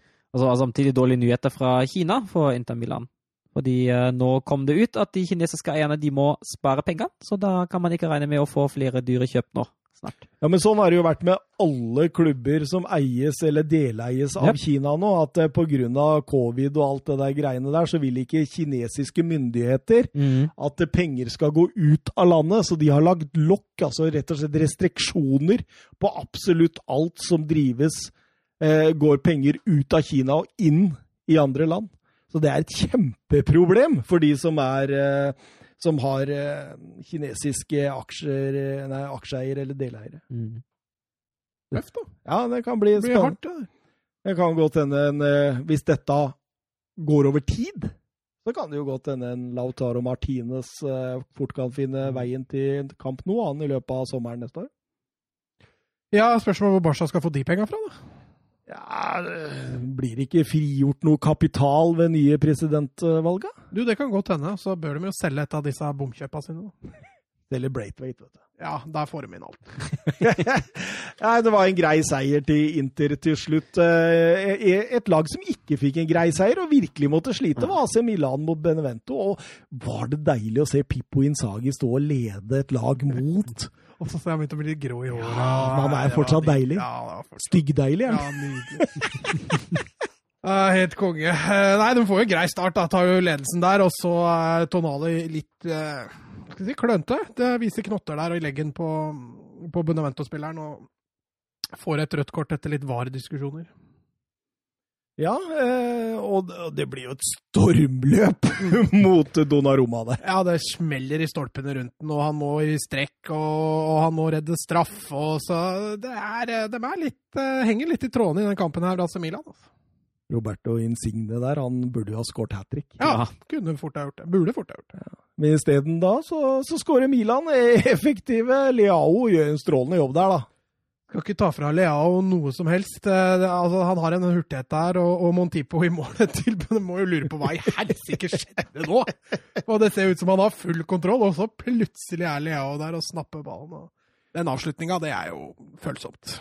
Når Benevento ikke engang skårer på straffespark, så, så drar det Milan. Altså, Milan uh, grinder ut, uh, Søren. Ja, de gjør det. Uh, og altså, expected goal-statistikken på den kampen underbygger jo at Milan hadde en svak kamp. Benevento får 2-3-5, Milan ligger på 1-5-4. Mm. Og da Milan med, en litt heldig resultat, med et resultat, men som du sier, grinder. Og det er jo på de dårlige dagene å vinne serien. Jens Petter Hauge ble ikke bytta inn, vet du. Det var Nei. det som var problemet. Nei, det er problem. Hadde de starta med hans, hadde dette gått mye bedre. Absolutt. Best på innbytter. Ja, altså jubler han veldig når de andre skårer. Veldig flink til å juble når de andre skårer. Er Tunge fravær da i AC Milan, så det, er jo, det har sikkert noe med det å gjøre. Men jeg syns, syns Kjær og Romagnoli igjen sammen med Donnarumma de, de blir så sentrale i dette. og De, de, de eh, rett og slett ganske imponerende satt sammen. og eh, Det er vel Jeg tror det er fem- 25-30 år siden ja, at Milan har hatt så mange poeng eh, etter eh, det antall kamper spilt. Mm. Og det sier litt om storlaget AC Milan, søren. Mm. Og så er det litt trist å se på samtidig. da, Det begynner å bli langt Det er ikke langt ned til Inter, dette. Det er ikke langt ned til Inter, det er ikke det. Det er bare et Inter, poeng. Inter er, er fortsatt med, og det er også Juventus eh, som møtte Odinese. Men Skulle de er lengre bak, skjønner du. Ja, det, de, de gikk jo på en skikkelig smell mot Fiorentina. Ja, selv om de vinner hengekampen sin, så er de fortsatt sju poeng bak Milan. Altså. Men de, de dominerer denne kampen, søren, og Cristiano Ronaldo. ja. han- er jo, altså, det, er jo, det er jo enormt, det han leverer. Det er jo sterkt, rett og slett. Var det ikke på, på Han gikk jo forbi Pelé Ja. som tidenes mestskårende Eller gikk forbi, ikke tidenes mestskårende, han er vel nest mestskårende. Samme dag så går Pelé inn og forandrer Instagram-kontoen sin, og så plutselig går han fra 700 og et eller annet mål til 1200 og et eller annet mål. Da teller han med alle treningskampmåla sine og alle de som ikke er registrert, og sånn. Så plutselig var Pelé tidenes mestskårende. Men, eh, men Ronaldo har jo med de måla i denne kampen 20 mål i 15 sesonger på rad. 20 pluss. Mm. Det er voldsomme tall. enormt. Og så kan vi jo nevne at når vi har etterlyst en rød tråd i Hens og sånn, Det er jo i hvert fall den, eh, den til stede i den kampen, fordi begge lag får jo et mål annullert for Hens med lignende situasjoner. Ja, Ja, stemmer men der er det det offensive laget Mhm. som blir straffa. Ja, det. Og det har vi jo sett ofte, at Ja. det, det blir det. Det, vi må forte oss gjennom. Vi, vi må kjøre nå, nå, Vi må forklare lytterne våre. da. Nå skal vi kjøre eh, fire uker på rad. Skal vi ta eh, Serie A, Bundesliga, La Liga og Premier League og sette opp det beste laget av de beste spillerne. Ikke nødvendigvis hvem som var best i 2020, men de beste kvalitetsmessig Messi? spillere. Ja, Messi. Ja, han kommer sikkert, han. Blir nok fort litt kvalitet, kvalitetsmessig der, ja. Og, og, og grunnen til at vi gjør dette, er at vi skal sette opp to semifinaler. Skal trekke litt sånn uhøytidelig. Og så en finale, og så finner vi ut hvem kan stille den beste elveren av de forskjellige ligaene. Det er litt Dere har så mange flere Premier League-lyttere, vet du. da vinner Premier League. Nei da. Men, men, men så vi begynner jo med Serie A, og så begynte jeg å jobbe med dette. Så sa jeg dette laget her blir strålende. altså. Ja, det blir et veldig godt lag. Det gjør det absolutt. Eh, Beste Serie A-laget la, la oss si du hadde vært manager i, eh, i eh, Serie A, og så fikk du på sånn amerikansk sånn der modell hente elleve spil spillere du ville sjøl. Ja, Mm. da henter vi de. Og vi begynner med keeper. Ja, kan jo starte, jeg. Uh, jeg tenkte på særlig Trehai. Uh, Chesney, Hamdanovic og Donnarumma, og det er egentlig ikke noe tvil at det blir Donnarumma for meg, altså. Handanovic eh, begynner da å havne på mange lag. altså, Ja, ja, Salih Handanovic syns jeg jo en, eh, er en god keeper, men jeg syns han har mista litt den, eh, den tryggheten han før hadde. Altså Han er fortsatt på, på høyt høyt nivå for all del, eh, men man ser nå i det siste at han har begynt å dra litt på åra. Altså. Men skulle vi satt opp det laget her for ett år siden, så kunne fort Handanovic vært på det. Enig. Og Chesney. Ja, jeg tror vi hadde Chesney på det laget. Men jeg, jeg er helt enig med deg, Søren. Jeg ser ikke noe utfordrer til keeperplassen her. Jeg gjør ikke det. Altså, Du har en Alex Meretti i Napoli som jeg syns er en bra keeper, Mm. og du har en Strakosha i Lazio som også er god. Men, eh, men det er de tre som du nevner. Samir Handanovic litt på vei ned nå. Det, det ser du flere eksempler på i løpet av en sesong. Og, og Chesney, han, han er Chesney. Han er en god nummer to her, syns jeg. Eh, skal vi ta høyrebekken, Mats? Ja, det har jo flere, da. Eh, To fra Juventus, faktisk. Både Danilo og Cuadrado er satt opp som høyrebekk som et alternativ. Du har en eh, Calabria i AC Milan. Eh, jeg lander allikevel altså, på Hakimi. Jeg, syns han er kul. Han, selv om en høyrebekk er vel kanskje ikke hans sterkeste side. Vi skal jo ha dette forbanna 4-4-2-systemet. Han faller kanskje litt igjennom, men, men lander på Hakimi. Ja, det er jeg helt enig i. Ja, jeg, jeg, jeg blir med på den, jeg. Jeg gjør det. Jeg har vel egentlig ikke så veldig mange i nærheten av han heller. Eh, selv om du, som du påpeker, han er jo best som wingback. Eh, på venstre bekken, der eh, Det var egentlig bare mellom to. Ja. Jeg gjorde det. Ja, Mm. ja du kan, Jeg kan kanskje ikke nevne mange, men jeg syns liksom det var to stykker som skilte litt. Hvem var det? Gåsens og Theo Hernandez. Og jeg landa på Theo Nandes. Metoo. Metoo? Hashtag. Hashtag metoo. Ja, jeg, eh, jeg har de to. Jeg har Alexandro òg, ja, men han har vært litt eh, nedadgående de siste par åra. har han tatt for covid nå? Ja, han er det, ja. Du hvordan det Åssen du blir tatt for covid? Du hvordan det ola meg der? Han ble tatt for covid, da. han, ble, han ble tatt for å kle seg ut som en sånn covid... Nei, han ble eh, tatt for å ha covid. Ja, ok, Men det, er det noe å bli tatt for, liksom? Ja, Du får jo ikke spille av kamp, da. Får ikke trent. Nei, nei, men uh, havna han i fengsel? Ja, hvem, hjemme- hvem, er, hvem er han tatt av? Hjemmefengsel. Av legene og smitteeksperter. Ja, ok. Ja. Avslørt. Avslørt, ja. Gå videre. Eh, Stoppera. Da var det mye å ta. Der var det mye å ta av. Ja, den er ikke like lett. Kjære Eh, Kjær og Romagnoli, som du sier, har jo danna et vanvittig Altså, Skulle du hatt et stopperpar, da, Ja, det er jeg helt enig i. så, så tror jeg kanskje jeg hadde landa der. Men vi skal jo prøve å få også det kuleste laget, da, i gåseøyne, eh, som klinger litt. Og da Altså, det som kanskje klinger mest, da altså Du har jo en Bastoni Altså, Ferrari i Sassolo har også vært strålende. Milenkovic, som er linka hit og dit. Av Serbi har vi jo snakka om tidligere, men jeg, Altså, Kolibali og Skrinjar, det er vel det er to som virkelig skiller seg litt ut, da, sånn i coolness. Hvem har du, Søren? Ja, du har likt og han glemt. Ja, jeg, jeg, jeg, har, jeg, jeg havna på De og ja. Mm. Men uh, Skrinja er absolutt en, eh, en god kandidat. De har jo ikke spilt så mye i år. Nei, men jeg eh, var jo først, ja, når jeg satte opp dette laget her, så kom jo du skal sette opp det bare det beste. Det bør ikke hva du har spilt. Men jeg satte jo litt opp etter hvordan de har spilt i år. Ja, Ja. Ja. Og det likte har jo ikke spilt, jeg tror bare han har seks-sju kamper i år. Jeg, ja, Vi skulle jo sette opp etter høyeste kvalitet. Ja da, så jeg må bare rette meg. Men, men da kan vi i hvert fall seile Kolobali, for han er jeg også. Men jeg, da, da ender vi opp på tre forskjellige makkere Ja, men til? Kolobali. Ja, det er Frey. Ja, De Frey kan også være med på, også. Det er helt greit. Så da er vi på Skrinjar. Men hvis vi skal gjøre det beste laget som folk stemmer på, er ikke Skriniar Ja, men vi, vi, vi skal jo velge det vi syns, da, ikke nødvendigvis det folk Ja, vi er ikke på på. La Masia mot La La Nei, Fabrica. nei, ikke sant, ok, ikke sant. Okay. Det ble en knepen seier, da. Nei, da, da går jeg for det likt, altså. Så i kvalitet, liksom. Ja. Syns du han har vist mer enn det De Frey og Skrinjar har, for eksempel? Nei. Eller eh, Men skal jeg stå på Skriniar, da kommer vi ingen vei. Så da, da går du til en som Ja. Jeg kan godt stå på Skrinja. Hvem hadde du igjen, Søren? Jeg det er De Lirt. Du hadde Jeg det? kan godt være med på både De Frey og Skrinja. så det er gode valg de har. Så det, Ja, men jeg, jeg syns ikke Har han vist nok til å være på et sånt lag? Over de siste sesongene, utvilsomt, spør du meg. Altså, jeg sier ikke at han er mye bedre enn De Vrij. De Fro. De Fronten. Da Frey. De Fraller. Nå, nå begynner det å bli mye nei, det, det, det, det sier jo ikke jeg heller, men uh, som sagt, jeg, jeg er ikke noen voldsomme sterke følelser knyttet til det. Som sagt, Jeg syns både Skinia og De Frey er Vi går for. Bastoni, da.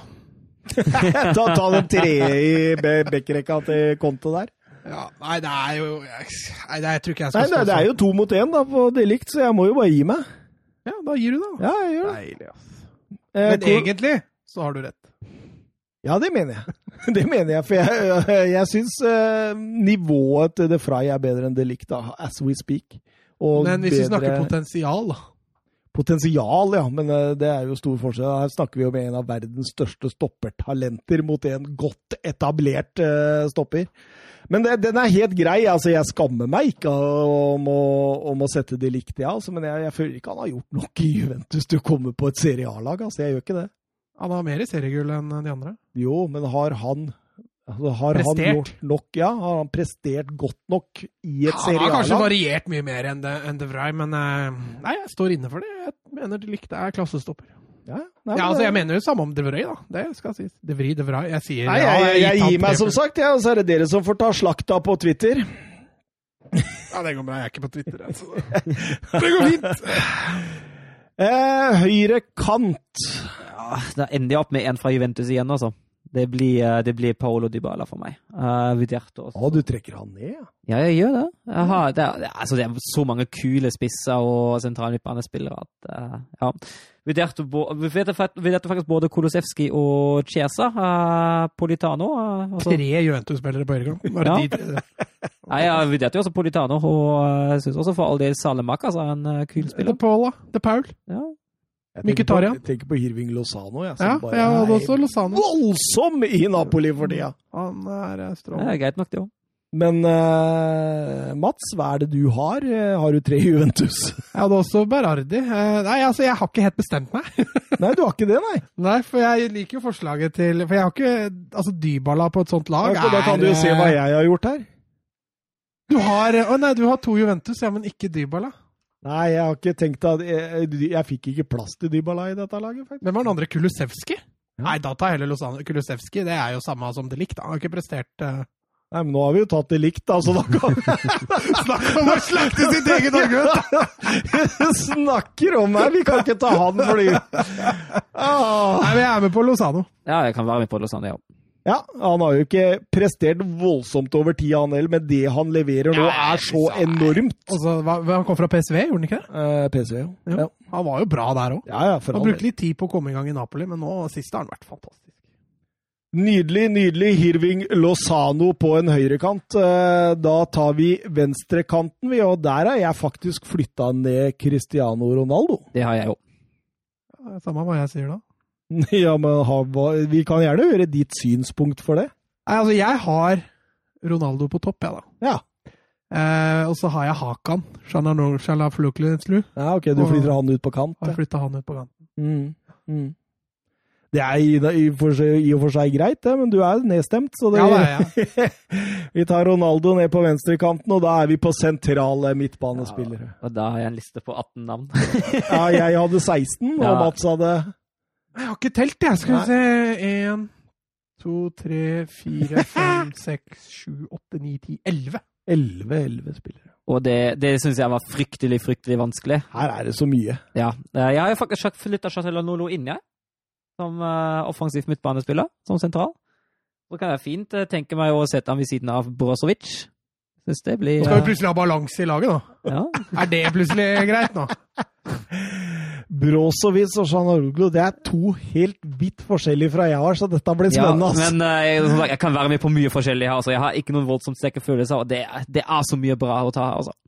Jeg føler vi må ha inn én av de to Lazio-gutta, i hvert fall. Uh, enten Mm. SMS eller uh, Luis Alberto. Uh, det Alberto har prestert nå i over to og en halv sesong, er jo helt enormt. Eh, så han føler jeg har en sterk har jeg en sterk helling mot. Og så har jeg også Fabian Ruiz, bør stå høyt oppe. Og jeg syns også Frankessi i Milan fremstår jo bare bedre og bedre. Eh, Men hvis du Locatelli. tar Luis Alberto og Frank Kessi nå, bare for moro, Mm.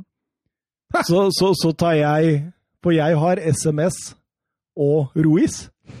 Så har vi seks forskjellige midtbanespillere. Det er det. det er Nei, men da vil jeg heller ha Luis Alberto og Fabian Ruiz. Ja, ok, du går der, ja. Ja, så kan ja du for, ta- da, for da sikrer du Fabian Ruiz. Ja, da sikrer jeg Ruiz. Da er Fabian Ruiz sikra, Søren. Hvem, Ja. hvem av de to dine vil du stå på? Tøft. Eh, hvis jeg må stå på en av de to ut ifra prestasjonen eh, i den nyere tida, i hvert fall, det er Chalanolo. Ja, Brozovic har vært strålende. Ja, det er noe. Ja, det det. Ikke vingle, Søren. Ta Brozovic, da. Nei, Shalaluglu er bedre enn Brazovic. Jeg er enig. Ja, da står jeg på Luis Alberto, da. Jeg mener han må med. Eller i hvert fall en jeg, jeg, Så enten da, så kan vi sitte her til kveld hvis jeg sier at jeg vil ha Milenkovic Savic? Nei, men da, jeg går med på den. En av, ja, de, en av de to må med. Ja, men da, da tar vi Milenkovic Savic, da. Mm, Synd søren du fikk ingen av dem. eh, angrep, da. Da har vi også en god liste, ser jeg. Ja, skal vi bare spikre Zlatan, så er vi ferdig med den? Ja, Zlatan har jeg òg, som førstevalg. Jeg har ikke han, jeg. Oi! Hæ? Hvorfor ikke? Jeg har Lukaku og Alvaro Morata. Morata! Er du Morata? Kødder du? Har du sett hvordan han har levert i Serie A i år? eller? Jo, jo, men, Ja, men har, altså- har du hørt på denne podkasten hva du har sagt om han tidligere? Ja, Nå har du funnet plass til Maguire, Lindeløf og nå ja, men, Morata. ja, men hør nå, da! Jeg sa jo når han gikk til Juventus at dette blir en suksess. Suksess var å ta i. Ja, jeg sa det. Du Bare, bare, gå på episode 64 eller noe sånt. 64, du husker ikke. Oi, oi, oi. Men, men jeg mener at uh, han er strålende i Italia og i Serie A. At det er ja, Jeg syns det han har levert for Juventus i år, jeg synes det er Det er helt strålende, rett og slett. Jeg syns han er god, uh, men jeg nådde ikke helt opp. Altså, jeg, Lukaku er jeg helt enig i. Jeg har Lukaku, jeg òg. Har du Ja. Lukaku? Og så har jeg Zlatan og Lukaku. Det er de to jeg ender Men da altså. er jo Lukaku seila. Ja, da har Zlatan òg, da, for jeg har Zlatan. Ja. Ja. Hvem er hvem er andre du har? Eh, Jeg har uh, Martin. Ja, godt valgt, jo. Ja, jeg hadde det. Jeg hadde Dybala som mulig der. Jeg hadde Oshimen, jeg hadde Immobile, Belotti, Zapata. Det er, det er mye å ta. Men uh, det er ikke noe guffent lag det vi kommer med her nå da. Det er jo da, skal vi se om jeg får spikra alle, da. Det er Donnaroma i mål, det er Hakimi høyrebekk, det er Theo Hernandez venstrebekk, det er Delict og Kolobali som stoppere. Det er Hirving Lozano høyre kant, det er Cristiano Ronaldo venstre. Det er Fabian Ruiz og Sergej Milenkovic-Savic på sentrale midten. En løpsterk midtbane. Ja, og, og, og balansert og godt. Ja, den er overraskende. Og så to okser på topp i Lukaku og. Ibrahimovic. Eh, Vi må forte oss videre i programmet her. Em, nå er det jo sånn at eh, vi får jo masse lag og masse forslag til lag sendt etter oss her, og, em, og Jørn Jeg liker jo det. Det er dritkult. Jeg, Ja, det er kjempemorsomt. Ja, Jørn Henland han eh, hadde en litt artig til oss. Eh, Han er, han er god på å sette opp sånne lag. Så vi, vi, vi må nesten spørre Jørn om han kan sette opp eller gi oss én sånn hver gang. Det var jo han som hadde denne En til elleve, ja. Ja, ja. Den var nydelig. Kjempekul. Og nå, nå kommer han med ny en her som er ganske fin. Eh, Dere skal sette opp et felles lag med tre spillere fra Wolfsburg, Barcelona og Tottenham, pluss to valgfrie spillere og en manager. Ti tipper dette blir en bra slager. For uh, godeste Søren Døpker, skriver han her. Mm.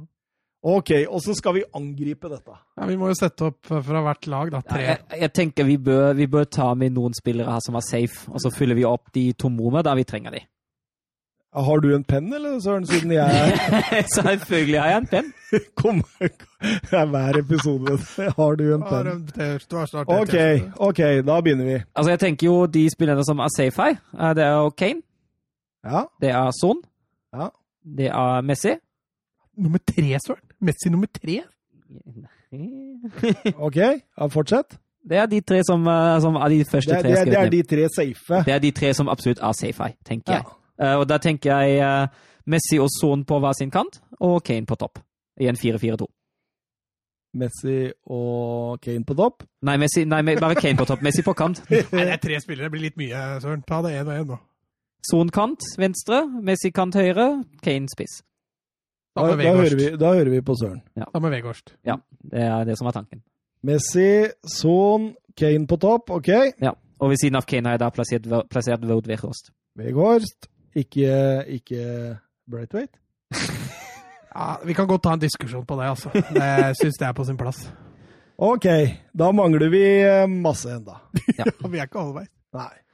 Sentrale, da må det bli Frenkie de Jong Altså, ikke vi kan skrive opp, da, men Frenkie de Jong, Busquets, Pjanic, Pedri fra Barca, som er nominert. Ja.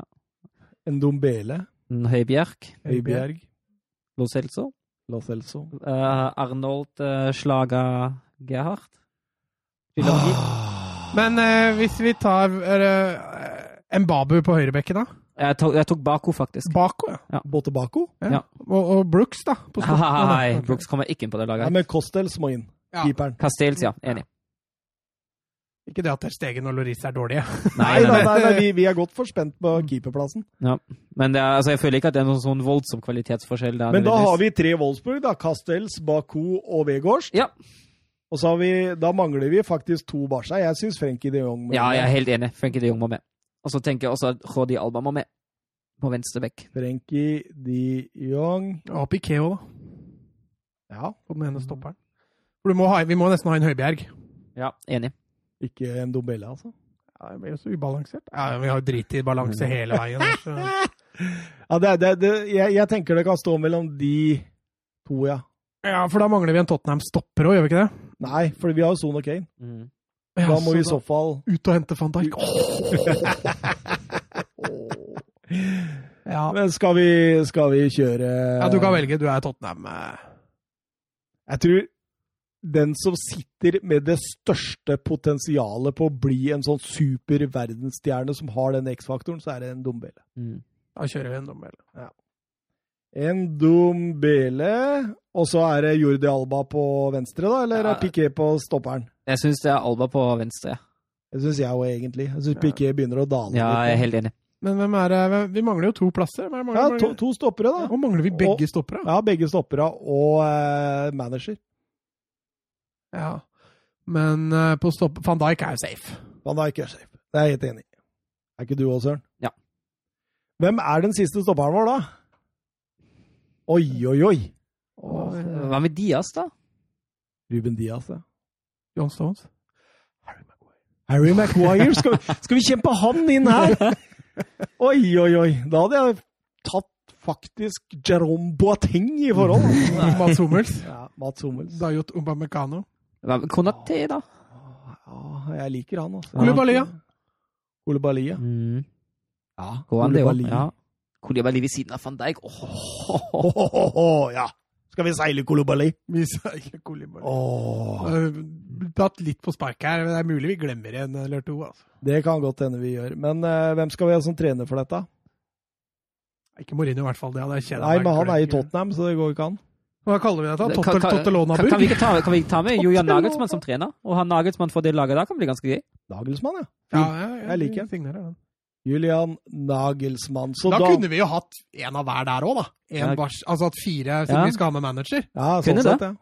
Kunne det faktisk. ja. Men eh, nå leser vi opp Vi dette skal ikke som ha Jørn som trener, i hvert fall. Nå- nå, Mourinho. men, men hør nå, nå leser vi opp dette som Jørn Henland spurte om, og så lager vi vår egen hvor vi kjører tre til.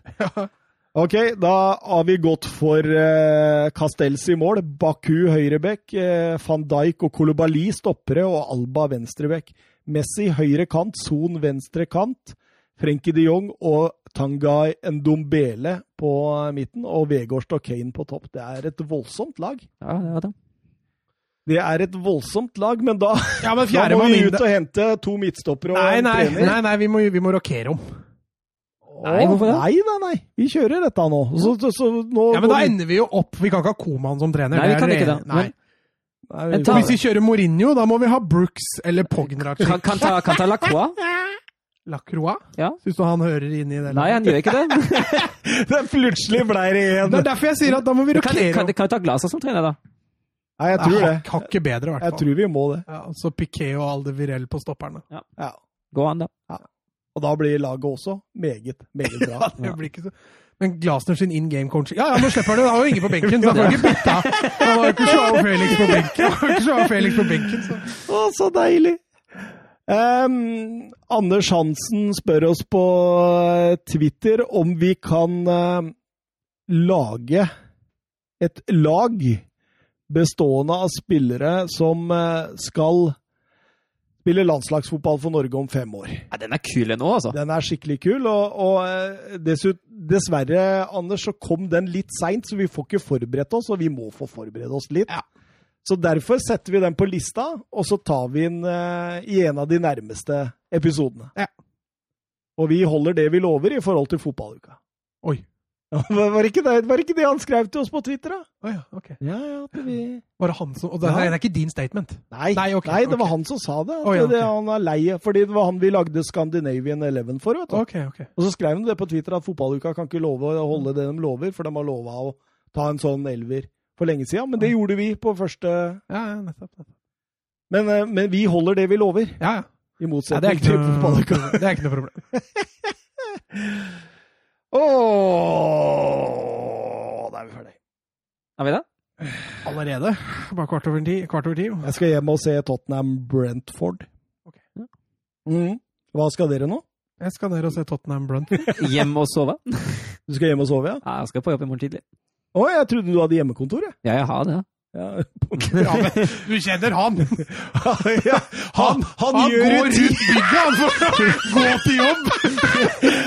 Ta på brodder og refleksvest, og så går han og går.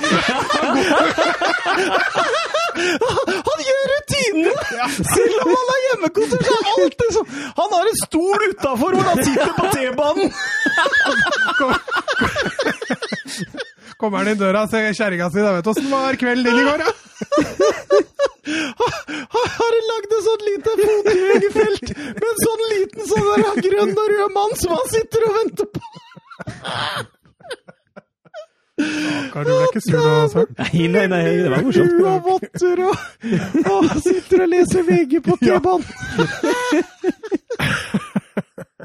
Åh, sitter og banner over Eivind Bisgaard Sund og Erna, Erna Solberg og Abid Raja. Åh, det er mye der! det er mye der. Man hater ingen av det. skal Hater ingen. Nei, jeg tror vi bare må gi oss med det. Den er nydelig. Den er nydelig. Den kommer jeg til å ta med meg resten av livet, faktisk. Skal vi si ha det bra og ses igjen? Eller høres igjen? Ha det. Adjø.